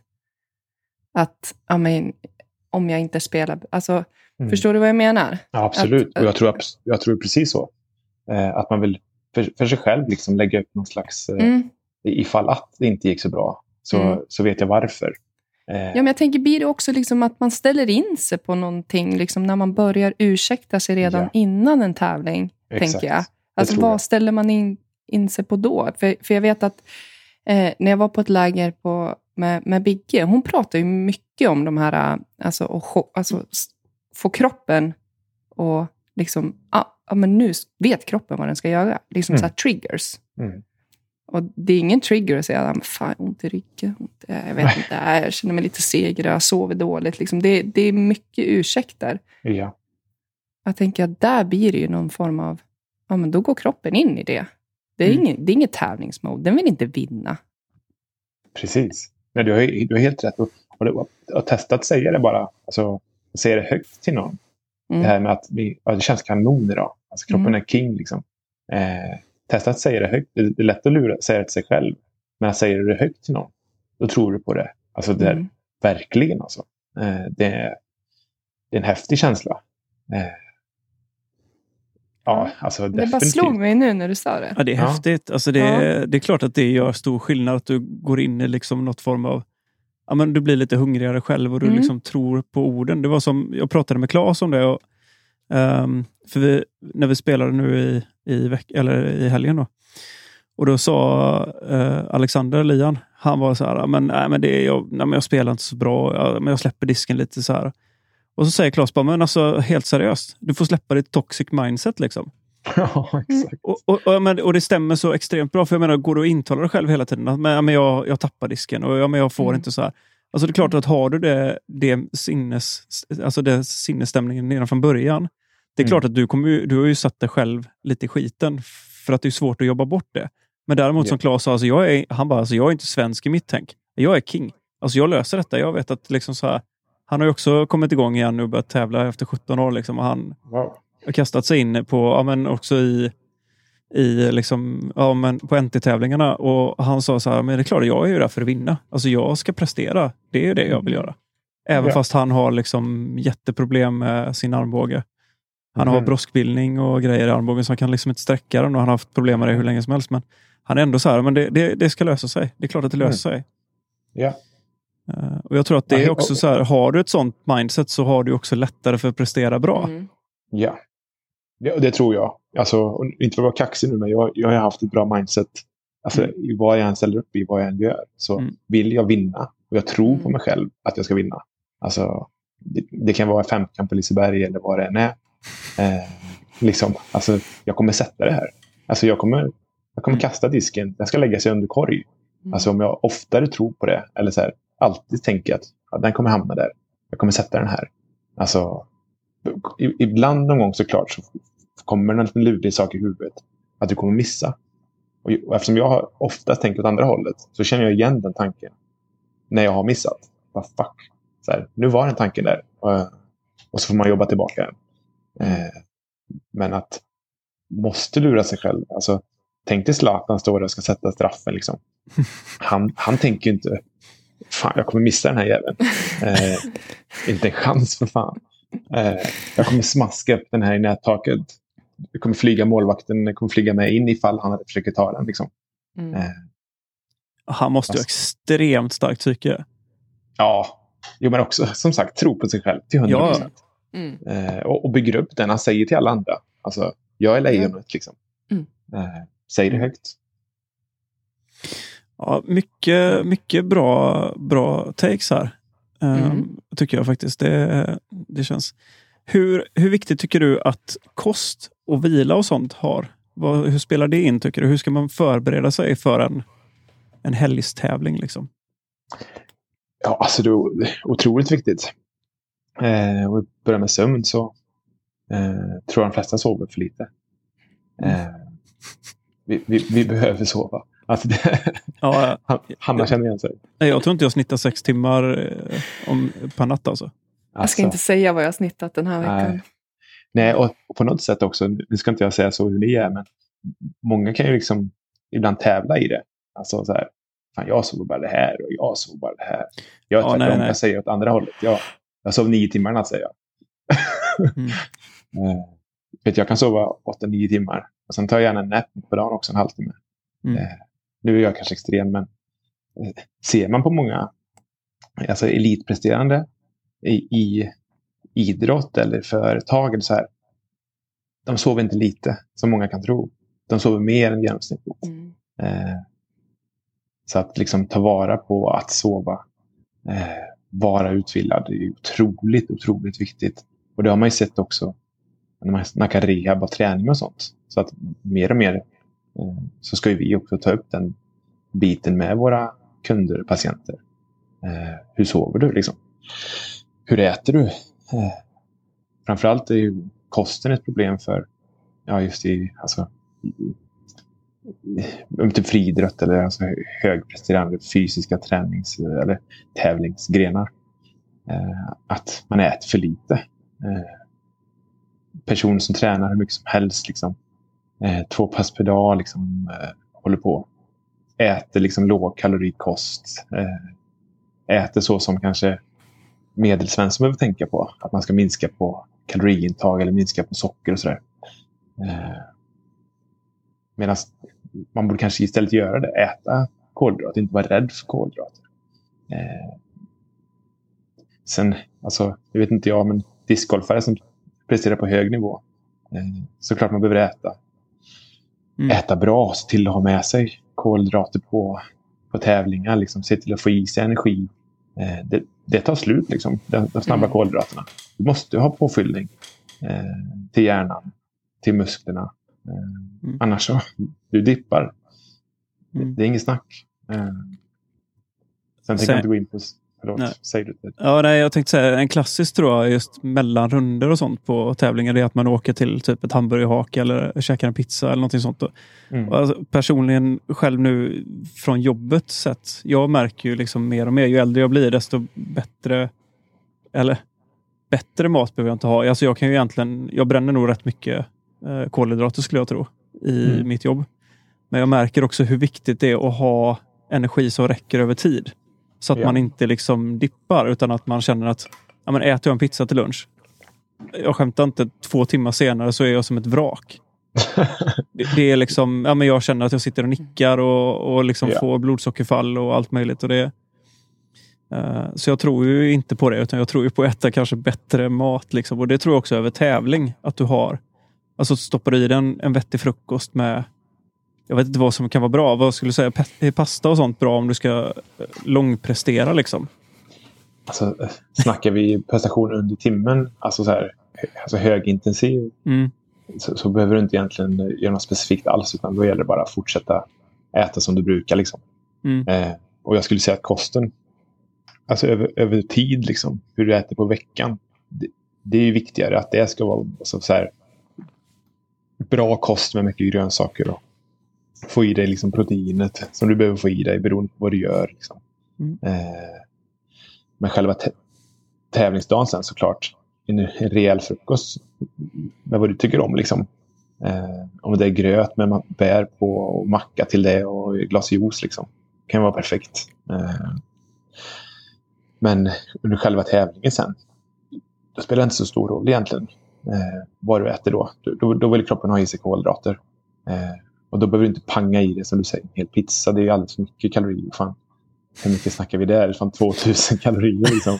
Eh, eh, så kanske en, en baguette eller alltså, Mm. eh, se, se till att ha med en Snickers som du knaprar på under rundan. Eller, Mm. alltså, Mer liksom lite mindre, mindre kalorier och så liksom mer över tid. Om du tänker att du sätter i dig mer mat hela tiden istället för att sätta i dig Ja. massvis och så försöka Exakt. bränna det över tid. Alltså på, ja, under en turneringsdag som du säger. så Om det kan vara en, en tävling eller två, två runder per dag. Liksom. Eh, Mm. Då är det med att du ska se till att få i dig under hela dagen. Liksom. Eh, bli aldrig... Gå aldrig på reserverna. Liksom. det har man aldrig gjort, Anna. Jag kom fram till det häromdagen. Alltså jag, jag tror att jag behöver typ ta en tugga av någonting var tredje hål. ja. ja, men varför inte? Alltså, men visst märker ni väl om att ni dippar då? Om man inte om man Ja, ja. bort det eller inte Ja, med gud, sig. ja. Man kastar sig som en kratta och man blir en tråkig medspelare. Mm. Ja, ja nej, men alltså jag märker det direkt. Det märker jag bara på veckogolfen ibland när man har gått och ätit kanske en sen Um, för när jag åkte ut till Onsala till exempel så börjar veckogolfen klockan sex och då blir det svårt att hinna med middag innan. Vilket Mm. blir att man kanske käkar när man kommer hem istället. Och då har du liksom inte ätit från 12 till 5. Så man är ju inte superbra. Så det gäller, men då har jag haft med mig typ ja, Snickers eller liksom någonting annat Mm. och försöka bara, och lite nötter Ja. eller någonting och, och få i sig under, under tid. Och så äta som Hanna säger, kanske typ var tredje hål eller vartannat hål eller Ja. bara småäta pyttelite. Precis, Mm. och, och tänk kolhydrater då. Alltså Mm. Eh, nötter bra under veckan, men under, under själva rundan så hjälper inte det dig så mycket. Eh, det kanske är gött, men och du har energi till senare, men inte, du får ingenting av det, utav det just precis då. Vad hade, du Ja. ta, vad hade du sagt ett bra snack emellan då? Om man skulle ta någonting. Alltså, tänk, tänk, tänk socker, liksom. antingen fruktsocker, alltså eh, banan, äpple, som du sa, Snickers funkar Mm. nice. Men vill du inte ha nötterna där så kan du ta en japp. Alltså, det Mm. funkar bara med en sportlunch, kexchoklad. Eh, Men att socker överlag, liksom, det kan vara bra att Absolut. ha så att du får igång. Exakt. skönt. och, är du det, och är du rädd för sånt socker, då tar du fruktsocker istället. Kroppen funkar på samma sätt. Eh, vindruvor eller alltså... Mm, ja, Ja, men bra, bra att tänka på, eller hur Hanna? För det är sånt som man inte liksom Mm. tänker. Ska en extra väska med mig? Ja absolut. I USA kör de ju mycket som beef jerky, brukar de Mm. trycka i sig. just det. De är lite speciella. Ja. Ja, men kul. Det är mm, bra, bra liksom att tänka på. För det, jag tror att det, det är sånt här som behövs lyftas lite. Som Mm. liksom, det är inte så många som pratar om. Och jag tror att alltså, all annan idrott är så mycket längre fram än vad vi är. Eh, på det sättet. Så att, eh, Men det är också långt bak kan jag säga. Alltså det är Ja. många eh, som tyvärr är... Alltså man lever på, som jag sa tidigare, på gammal kunskap. Eh, Mm. Och man lever lite på det man hör i alltså, massmedia kring kost. Liksom, och tror att det ska stämma överens med hur man själv lever. Eh, Mm. så det är så skönt när jag kommer till den insikten. Liksom, jag som tränar. Alltså jag tränar ju varje dag i veckan. Ett till två pass beroende på. Och sen lägga till discgolf. För mig kallar inte jag det träning. Det är ju bara lek och kul. Mm. Liksom. Eh, men det är klart det är träning där också. Eh, och att då vara rädd för att få i sig kolhydrater. Då skjuter jag mig själv i, i foten. Alltså. Mm. Eh, så att komma till insikten att jag får äta kolhydrater och sen äta i, i grunden en, en vad jag tycker är bra kost. Då. Eh, det har gjort mitt humör, mitt presterande, skaderisker minskar. Alltså, mm, ja. Ja, det är grymt. Har du- Nedstämd mage. Ja, men det blir ju lite också, du, du får ju lite belöning för den mödan du lägger ner. Eller så. Mm, exakt. Men, För varför träna så mycket om du inte Nej, alltså, ger dig själv möjligheten att återhämta dig? Nej, precis. Och jag, jag tror att just att folk är så rädda för kolhydrater är ju om du inte rör på dig på det sättet. Exakt. Alltså har en, en fysisk liksom, livsstil eller aktiv livsstil. Då Ja. blir ju kolhydraterna farliga på det sättet för att du, du förbränner ju Precis. inte den typen av... Nej, nej. Alltså, är du, och är du överviktig och i- alltså,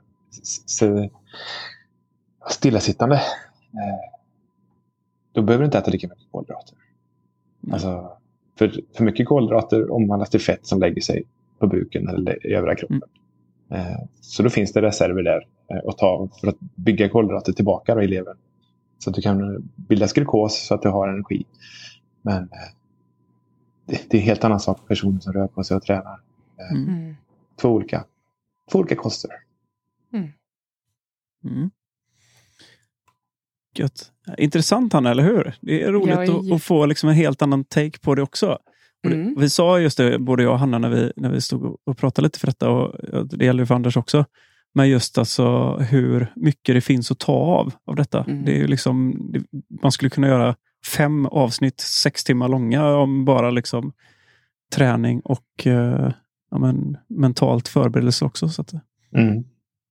Ja, det finns ju massor. Och jag jag vill bara flika in sak om träning som jag tyckte jag såg eh, en liten missuppfattning. Så här, som, folk har ju säkert sett han. Vi, snackade om det också, du och Ted innan, om han eh, Seth Mumsey som har Mm. eh, Disc Golf Strong. Heter det, va? Ja, precis. Eh, och så kom jag in och klickade lite på honom. Jag hade inte, jag hade inte sett honom förut, men jag tänkte jag skulle se lite vad som finns eh, kring discgolf och träning och uppvärmning och sånt där. Eh, och så pratade han om vilka bålövningar man inte ska göra. Eh, Mm. Och jag blev mörkrädd tyvärr. Eh, eh, det var jättekonstigt. Men då tyckte jag att man inte ska göra crunches. Man ska inte göra alltså flat kicks när man ligger på rygg med raka ben och jobba med dem. Upp och ner. Man skulle inte göra russian twist vet, när man sitter på rumpan och så vrider man Mm. kroppen med en vikt åt sida till sida. Eh, inget fel på någon av de övningarna. Eh, så jag vet inte riktigt vad han var ute efter. Han pratade om att man skulle bara jobba med buken eller bålstyrkan i, i rak i kroppen. Man skulle inte göra det i, i framåtböjning, flexion. Eh, så det är ju det är lätt att, det, att, det, att, det, att folk kom på det. Eh, liksom. eh, och tror att det är det det handlar om. att eh, För att inte få ont i ryggen så ska man träna bara bålen i, i, i rak, med rak kropp. Eh, skulle säga att det är direkt felaktigt. Liksom. Vill du inte ha ont i ryggen så ska du specifikt träna den ryggen. Liksom. Det är ofta där man får problem. Och hur Mm. tränar du den? Ja, det gör du genom att till exempel raka marklyft. Eh, börja på en låg nivå och bygga det uppåt. Mm. Bästa övningen för att eh, bli kvitt ryggsmärta och eh, slippa få ryggsmärta, ha en stark rygg. Liksom. Eh, så det finns jättemycket missuppfattningar och folk alltså, förstår sig på det. Och, eh, ja, och varför ska man lita på mig nu? För sig? Nu säger jag någonting här och låter väldigt självsäker. Liksom. Eh, Men eh, alltså, det som gäller är för, oss fysioterapeuter, vi måste ju följa senaste forskning. Mm. Jag jobbade på sportrehab i Göteborg. Och där är de ju, jag skulle säga, verkligen frontlinjen av Mm. eh, rehab, fysioterapi i, i Sverige och även till viss del i världen. Eh, och det, det la man ner all form av passiv behandling för att evidensen är för låg. Eh, det är, du kommer tillbaka genom att styrketräna på Mm. rätt sätt eh, och anpassa din träning eh, utifrån de besvären eller symptomen eller skador du, du har. Liksom. Och du bygger upp dig själv för att få bort dina besvär och slippa att du återfår dina besvär. Mm. Eh, kanske jag försvann ifrån ämnet. Jag vet inte vart jag började. Nej. Nej, men det, det låter ju logiskt, liksom, eller så om man, Mm. om man tittar på det. Men jag har faktiskt en liten grej där Jimmy som vi skulle kunna göra. Vi har ju en väldigt oaktiv Youtube-kanal. Men vi, vi kanske, om du känner för det, och sätta ihop Mm. något form av uppvärmningsprogram och kanske lite vettiga övningar för discgolf. För det vet jag att det tror jag nog att de flesta hade varit extremt sugna på. Absolut. Mm. Det löser vi. Mm. Vi bor ju inte så långt ifrån varandra så det, det, går, det går att lösa. Jag kan filma och du kan visa. Ja, exakt. Ja. det blir kul. Ja, men Du får visa Ted. Exakt. Mm. Det blir jättebra. Ja, men kul. Du Jimmy, jag tänkte att vi ska inte sno din tid mer. Eh, du får jättegärna, vi plockar gärna in dig lite mer. Lite som gubben i lådan ibland om vi har lite grejer som vi kan plocka av. Om du känner för det. Trevligt. Jag är Mm. jätte, jättegärna med. Det var jättetrevligt. Tack. Snacka med er. Du, jag tänkte du ska få ge dig själv en chans och ja, om det är så att det är någon som vill komma i kontakt med dig så är du Just det. säkerligen råsugen på att hjälpa folk också, eller hur? Definitivt. Eh, Fysiocoachen heter mitt företag och så heter också min hemsida. Mm. Eh, är man sugen på ja, en långsiktig hjälp med sina besvär eller, eller bara vill kanske komma igång. Eller, eh, jag jobbar framförallt med fysioterapi men jag hjälper även till som om jag tänker PT i min fysioterapiroll. Då. Mm. Eh, min mail är jimmy.fysiocoachen.se och jag finns på, även på Instagram. Fysiocoachen. Vi taggar dig i, i, i inlägget sen så kommer du med där. Perfekt. Mm. Trevligt. Gött då! Då tackar vi för, för hjälpen så länge Jimmy, så hörs vi framåt. Tack själva. Mm. Ta hand om er. Detsamma, hej hej! Tack. Hej då. Hej då. Så Hanna, det var Jimmy Kjell där. Shit. Kul, eller hur? Ja, verkligen. Mm. Eh, jag har mycket i mitt huvud nu som jag känner att jag behöver så här processa. Men Ja. det är sånt här som jag, som jag jobbar med. Men det är kul att få eh, diskutera och, och få andra synvinklar och tips och tricks eh, från någon som verkligen kan. Mm. Eh, och ändå få lite bekräftelse på att Ja, det man verkligen. gör kanske är rätt också. Jo, men det tycker jag. Alltså, Lite det vi har pratat om och det du har pratat Mm. med oss om, så känns det som att du är på extremt bra eh, väg liksom för vad det är. Och som sagt, Jimmy är ju den personen som jag känner. Eh, jag har ju sett honom mycket och länge, liksom, i och med att jag har hållit på Mm. med lite andra grejer också. Så Så att jag tycker att han, han har en, en bra approach och det är skönt att få liksom, någon som jobbar med det professionellt och, och har liksom egen erfarenhet också. Så, att, Mm. Så det var grymt. Eh, Verkligen. Mm. Jag tänkte vi skulle spinna vidare lite, för vi, det var väl lite det. Det blev, det blev lite, lite eh, det, det blev bra tyckte jag. Det var, Ja. och det är väldigt mycket processer, men jag, vi har skrivit upp lite andra grejer också för eh, veckans topic här. Och Jag tänkte vi skulle spela, eller spela, prata lite mer typ spelstrategi och sånt. För du har ju nu NT Lund som kommer eh, Mm. till helgen. Mm. Sen har du ju även eh, lag, eller, lag-SM. Du har individuella SM som kommer helgen Mm. efter, va? Är det inte så? Mm. Jo, det stämmer. Så jag tänkte bara kolla med dig lite. Vad Har du satt upp någon spelstrategi? Eller hur lägger du upp din spelstrategi? Ja, alltså, du behöver inte gå in specifikt och ge alla andra liksom vad du, hur du har tänkt. Men om du jag tänker bara hur du, om du gener, pratar generellt liksom kring hur du väljer att liksom lägga upp det för en tävling. Så. Ja, nej men alltså för mig handlar det jättemycket om att eh, bli, bli säker i mig själv. Mm. Eh, nu är det ju det, det här kommer ju vara den första stora tävlingen som jag är med på. Men jag tänker att jag har ju, som jag sa innan också, jag har ju tävlat på, på elitnivå. Jag har liksom spelat TV-pucken för tjejer och Mm. elitserien och med A-laget och allting sånt. Eh, och det är lite samma där. Eh, att bli lugn i sig själv och att jag går tillbaka och liksom ser att jag, att jag så vet vad jag kan. Eh, det är väl lite det det handlar om. Alltså det, det, det är det mina förberedelser som mest ser ut på. Alltså så, som Jimmy också sa inför hans lopp. Liksom, jag tar det lite lugnare. Mm. Det blir ingen hård träning. Eh, det är mycket puttning och inspel liksom, och bara hitta känslan. Eh, för det som... För jag vet att jag kan driva.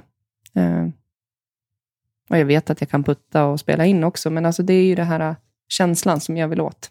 Mm. Och lugnet. Och jag försöker tänka att jag måste tycka att det är roligt. Mm. Jag har ju en liten tävlingsdjävul på min axel som, Ja, som, ja, som ibland kan ta bort det roliga. Eh, Mm. Att det bara handlar om prestation hela tiden. så jag kan bara relatera för det har varit Mm. så många när jag var på absoluta botten som jag kände så här. Jättekul Mm. att åka till tävlingen och superroligt. Och så börjar man spela så tycker man att det är ganska kul.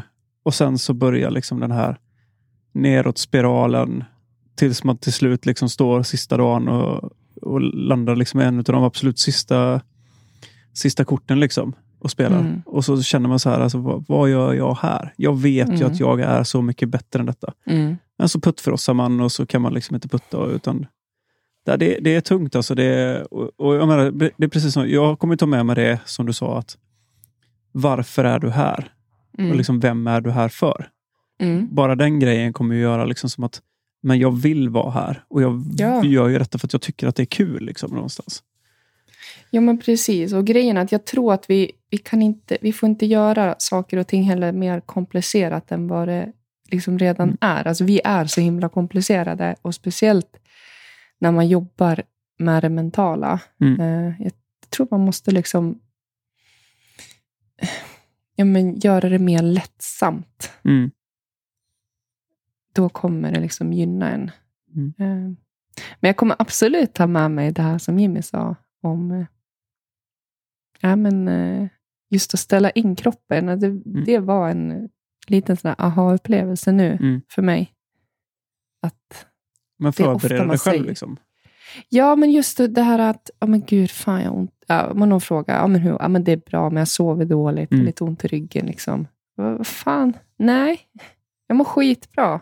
Jag har, sovit, att- jag har sovit hur Ja. gött som helst. Liksom. Jag är utvilad och är på, nu, nu kör vi. Ja, nu jävlar liksom. Mm. Fan, nu, nu ska vi spela discgolf på hög nivå. Mm. Nu ska det vara Exakt. kul, vi ska driva fint och vi ska, puttarna ska sitta. Liksom. Mm. Mm.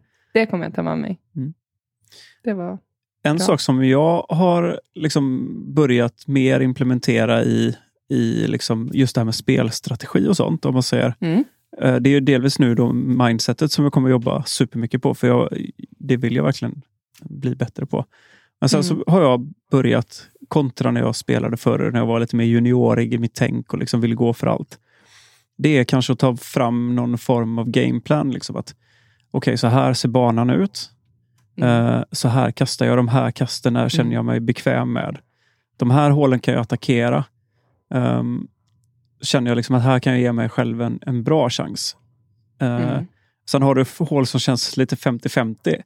Och de är ju kanske så här, visst har du den bästa dagen och du känner att allting stämmer. Ja, men då kanske du ska ge dig själv chansen att faktiskt liksom kunna attackera dem. Mm. Men om du har en dag som känns okej eller vanlig, typ, eller snett sämre. Nej, men ge dig inte, alltså ge dig själv chansen att, att kunna prestera ditt absolut bästa. Att men jag gör det här kastet Mm. och lägger mig här och sen så kan jag attackera. Och det är inte det här hålet jag skall ta kast på mig själv eller på banan, utan, utan de har jag längre fram. Ja, men precis. Alltså vissa hål som, det, det har jag tagit med mig också, nu kommer Åke fram igen, men Mhm. alltså han sa det, men spela hålet 60-40. Mm. Eh, alltså lägg fram, alltså tänk inte, du ska inte 110 meter, du ska, du ska 80 meter. Mm. Eller 70 meter. Bara fokusera på att komma 70 meter. Mm. Då är det inte så svårt. Alltså ett hål kan stå där, ja, det är 130 meter kanske, och det, jag bara, nej men det går inte. Jo, Mm. fast Ja. om du tänker så här, eh, Mm. du behöver inte spela, alltså spela för paret. Mm. Eh, det kommer ju, alltså, för jag är ju en väldigt aggressiv spelare. Mm. Alltså jag attackerar ju allt hela tiden.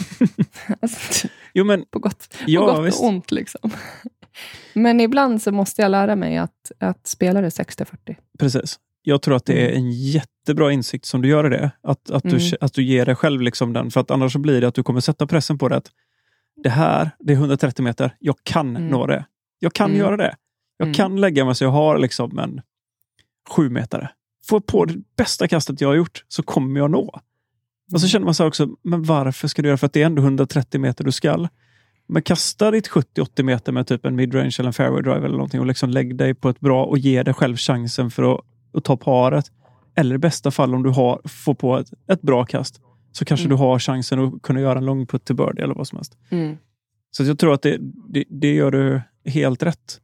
Och jag, och jag också så här, alltså man ska nog tänka, för jag har sett mycket folk nu och liksom, när man går träningsrundor innan, att ja, men du spelar typ en casual-runda mer eller mindre Mm. inför en Mm. tävling. Mm. Det är kanske det absolut du inte ska göra, utan du ska ju kasta kasten och se liksom så här, vart, vart vill jag landa på min drive? Vad är, vad är missen att göra? På vilken Mm. sida? liksom? Ja, men, som jag vet att NT, jag, jag har ju signat upp för NT i Falköping och det är ju det vi ska jobba mycket för nu. Och liksom, jag känner att det här ska bli den tävlingen när jag ska Mm. känna att det är kul att spela discgolf Mm. igen. Och då har jag varit så här, för jag vet att jag tror att vi kommer spela Pro T.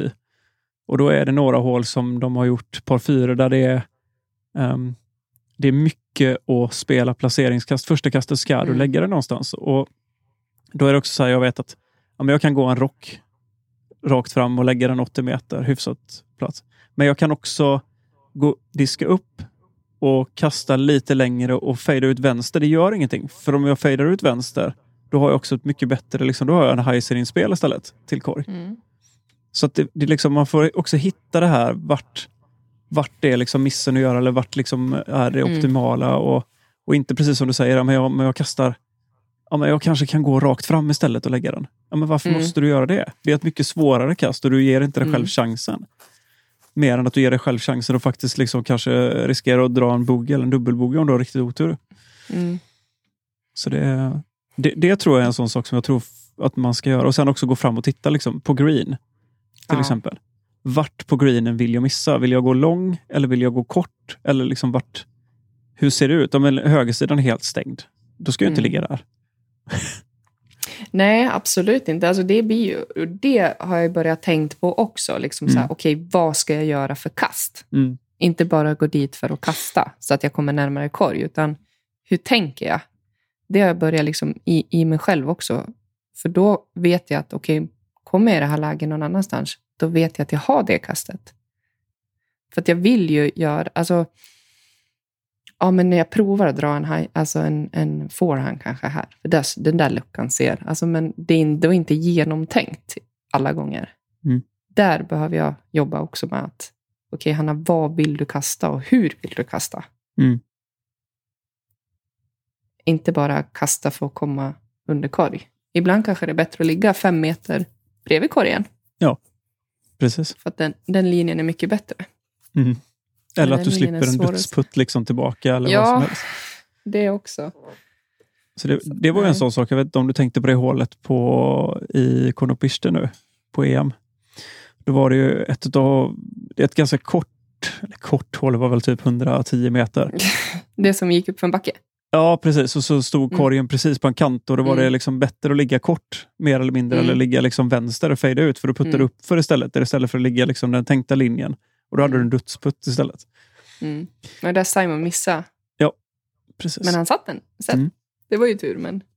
Men det, nej, Ja. och jag tror att sånt är jätteviktigt. Och nu är det ju mer. Alltså det här med caddybooks och sånt är ju bättre Mm. nu än vad det var förr. Och då kanske man ska ta sig tid. Alltså, jag vet inte om det alltid finns digitala caddyböcker, men om det gör det så kanske man faktiskt ska lägga lite anteckningar Mm. i caddyboken och sätta upp din plan. Ja, men ge dig Mm. själv en rimlig plan. att Okej, jag på det här hålet så kastar jag den här disken. Mm. Och jag vill kasta den dit. Mm. Och så spela efter det. För jag tror att jag skulle, skulle alla göra det på något vänster, Mm. jag, jag har 100 procent att du hade haft ett betydligt bättre score än om du spelar bara på känsla. Mm. Ja, men jag tror det också.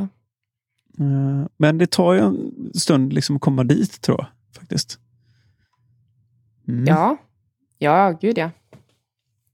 Det är inte bara. Du har skrivit upp tre punkter som du tycker är viktigt att ta med sig.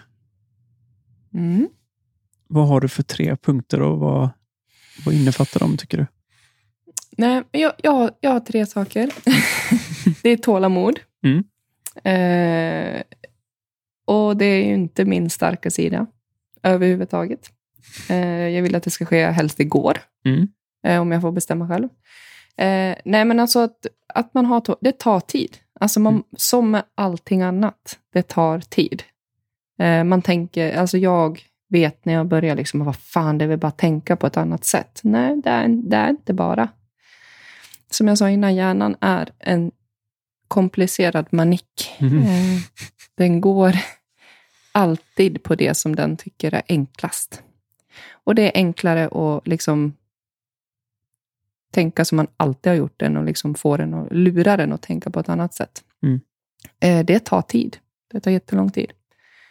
Ehm, sen har jag medvetenhet och det är typ den, alltså den största punkten. Och det, för det handlar om att bli medveten om vad jag gör, eh, vad jag känner, hur jag agerar på den känslan. Ja, men liksom, vad, vill, också, liksom, vad vill jag känna när jag kastar det här kastet? Mm. Och vad vill jag inte känna? Och vad är det som gör att jag känner det jag känner? Alltså att jag blir extremt medveten om mig själv och mina egna känslor. Hur jag agerar och reagerar. Eh, för blir jag inte medveten om det, då kan jag inte analysera dem heller och försöka tänka eller träna mig själv att tänka annorlunda. Eh, så det är en, en tjock, tjock Mm. grej. Men sen är det ju, sen är det ju träning. Mm. Eh, och det är också det som, jag, som vi pratade om innan, just det här med, med jag träffar så många dam, damspelare som säger, ja, men just när det här med mentala biten, eh, de känner press och de pallar inte riktigt med trycket på tävlingar, men det funkar jättebra när man går de här casual-rundorna Mm. tillsammans med kompisarna. Men då, då, då, då är inte problemet där. Alltså du har ju inget problem där, för att då går det att ha roligt och du är avslappnad. Mm. Men det är ju då, alltså, det är då du ska ta tag i det. För det är de känslorna du vill ta med dig till en, till en tävling. Jag brukar säga det till mina grabbar när vi tränar hockey. Liksom. Det du gör på träning, det gör du på match. Mm.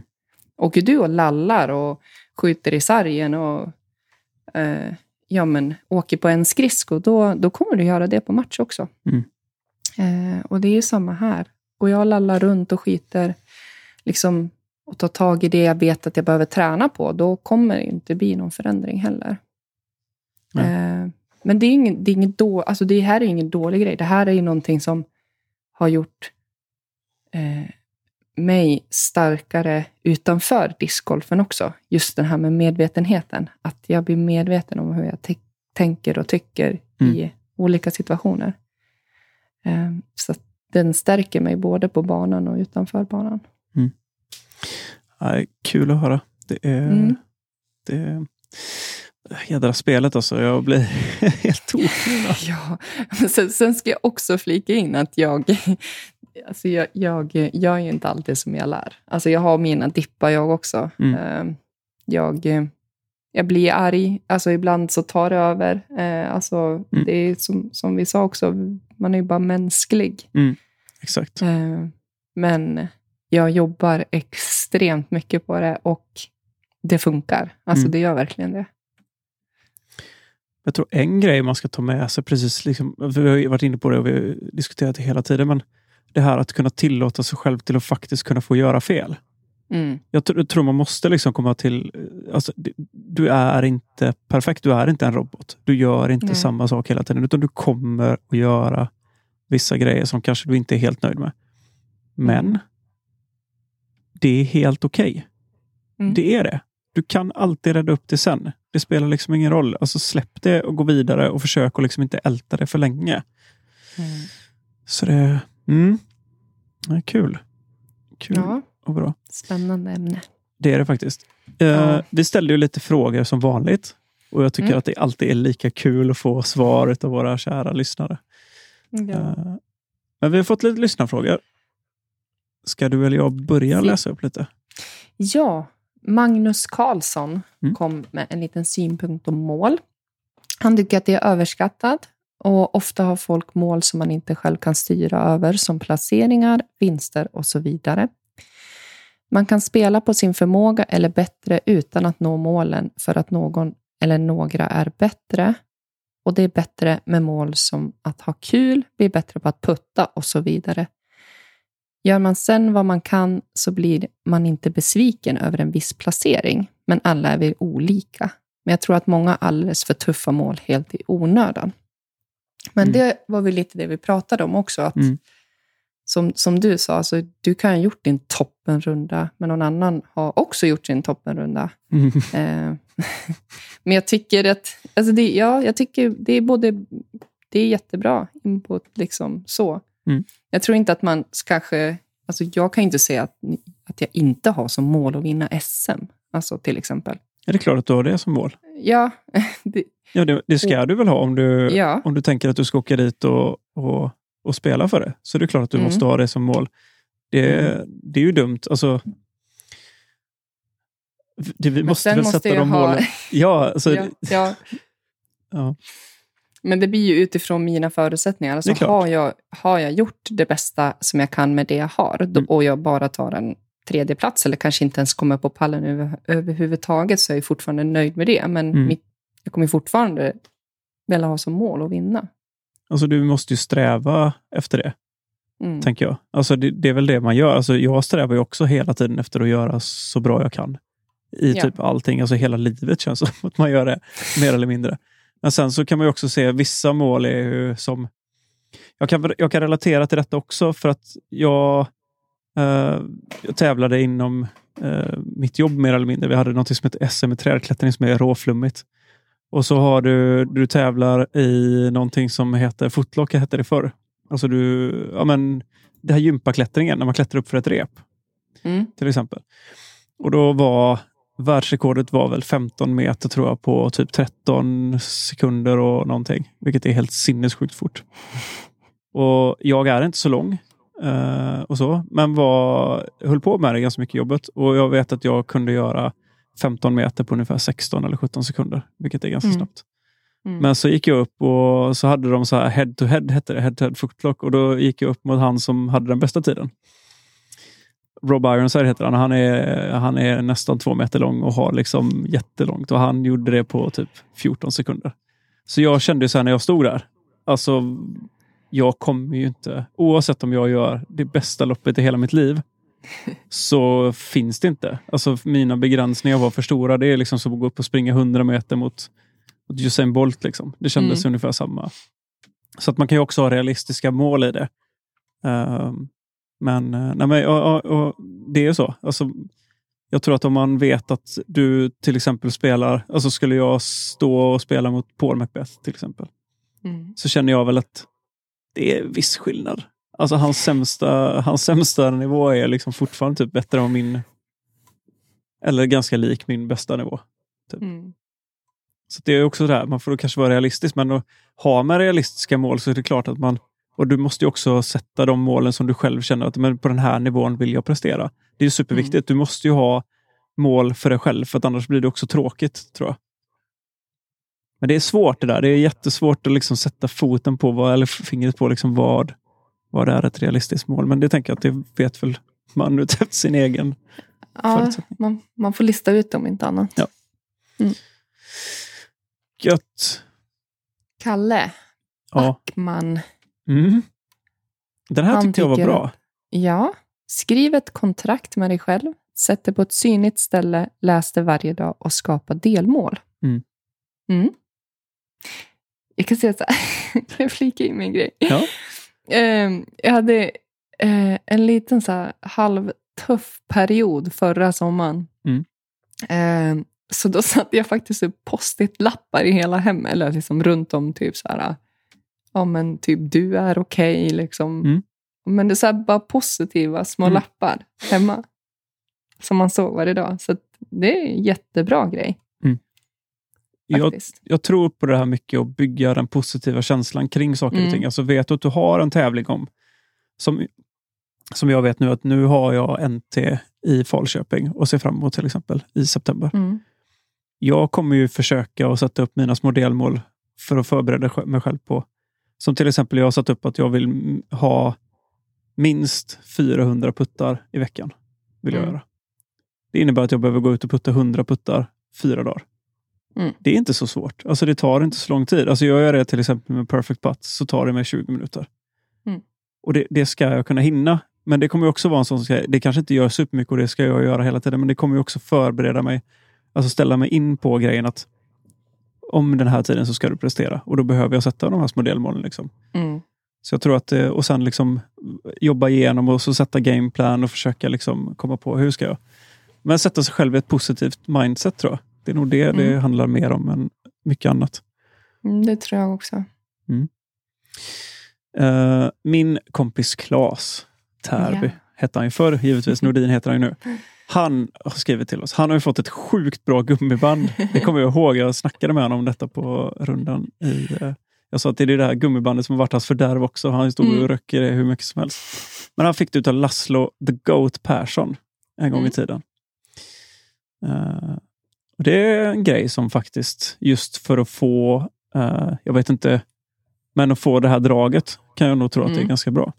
Mm. Repetitivt liksom att få Absolut. samma typ av rörelse. Mm. Så är det med jag eh, hittade faktiskt, det var helt sjukt när jag satt och läste och vi pratade om att vi skulle ha det här ämnet. Så på Facebook så har Martin Rach skrivit en hel serie om strategi för discgolf. Den Mhm. finns på Ska vi snacka discgolf? Det är en följetong i typ, jag tror det är fem eller sex del, delar som man kan läsa. Som har skrivit. Jättebra, mycket bra tankar och sånt Mm. kring liksom spel och hur man ska lägga upp. Mm. Bra. Vad har vi att se fram emot nu då? Ja, vi missade det lite. Jag, vi har ju faktiskt en tävling som går... Du ska tävla i helgen Mm. dessutom. Men vi har en Dessutom. Silver Series som går av också va? Stafford Ja. Open, tror den hette. Mm. Spelas i Voorhees. Jag tror att det är New Jersey. Det stod NJ, så jag skulle tro att det är New Jersey. De är väl på the East Coast Swing, va? Är de inte det? Jo, men det stämmer. Det. Jag har faktiskt ingen aning vilken bana det är nu, Nej. så här på rak arm. Inte jag heller. Nej, Men det ger sig. Jag, jag känner att det är, det är Silver Series. Då behöver vi inte ha så bra koll. Nej. men då så. Men gött. Det Ja. känns det här blir ett bra avsnitt, Hanna. Tror du inte det? Det tyck, jo, men det tycker jag. Mm. Det tycker jag verkligen. kan sitta och prata om det här hur länge som helst. Ja. ja, men det var ju lite det som vi pratade om. Jag tror att vi, vi hade kunnat måla det här i fyra timmar till utan Ja. problem. Men, eh, Vi måste ta en, dra en gräns någonstans. Ja. och som sagt, vi lägger en liten blänkare till Jimmy, tänker jag. Vi taggar honom Mm. i inlägget sen. Så ta gärna kontakt med honom. Och jag ser faktiskt fram Jag ska driva på det här lite med den här uppvärmningsfilmen och sånt. För jag tror att det kan vara riktigt, riktigt bra. Jag tycker att Jimmy är sjukt bra. Och jag kommer personligen ta kontakt med honom om mycket annat. Min Mm. klappslutarrygg eller vad jag kallar det för. Ja, skulle behövt gå dit jag. Lite långt dock. Det är långt Um, faktiskt. Men, härifrån. Eh, han är bra. Han kanske kan ha lite övningar via Zoom eller Teams eller någonting annat sånt också. Ja. Det är ju nya nu. Gött. Men du Hanna, ja. du får ha det grymt bra i eh, Lund. det ska jag. Och håll mig uppdaterad och Anders. Absolut. Så Ni hoppas, kommer få höra. Ja, jo men det tänker jag. Och så får vi hoppas att det har gått bra för Anders. Och att han är tillbaka Mm. nästa vecka. Det hoppas vi. Mm. Ja, tack för idag då.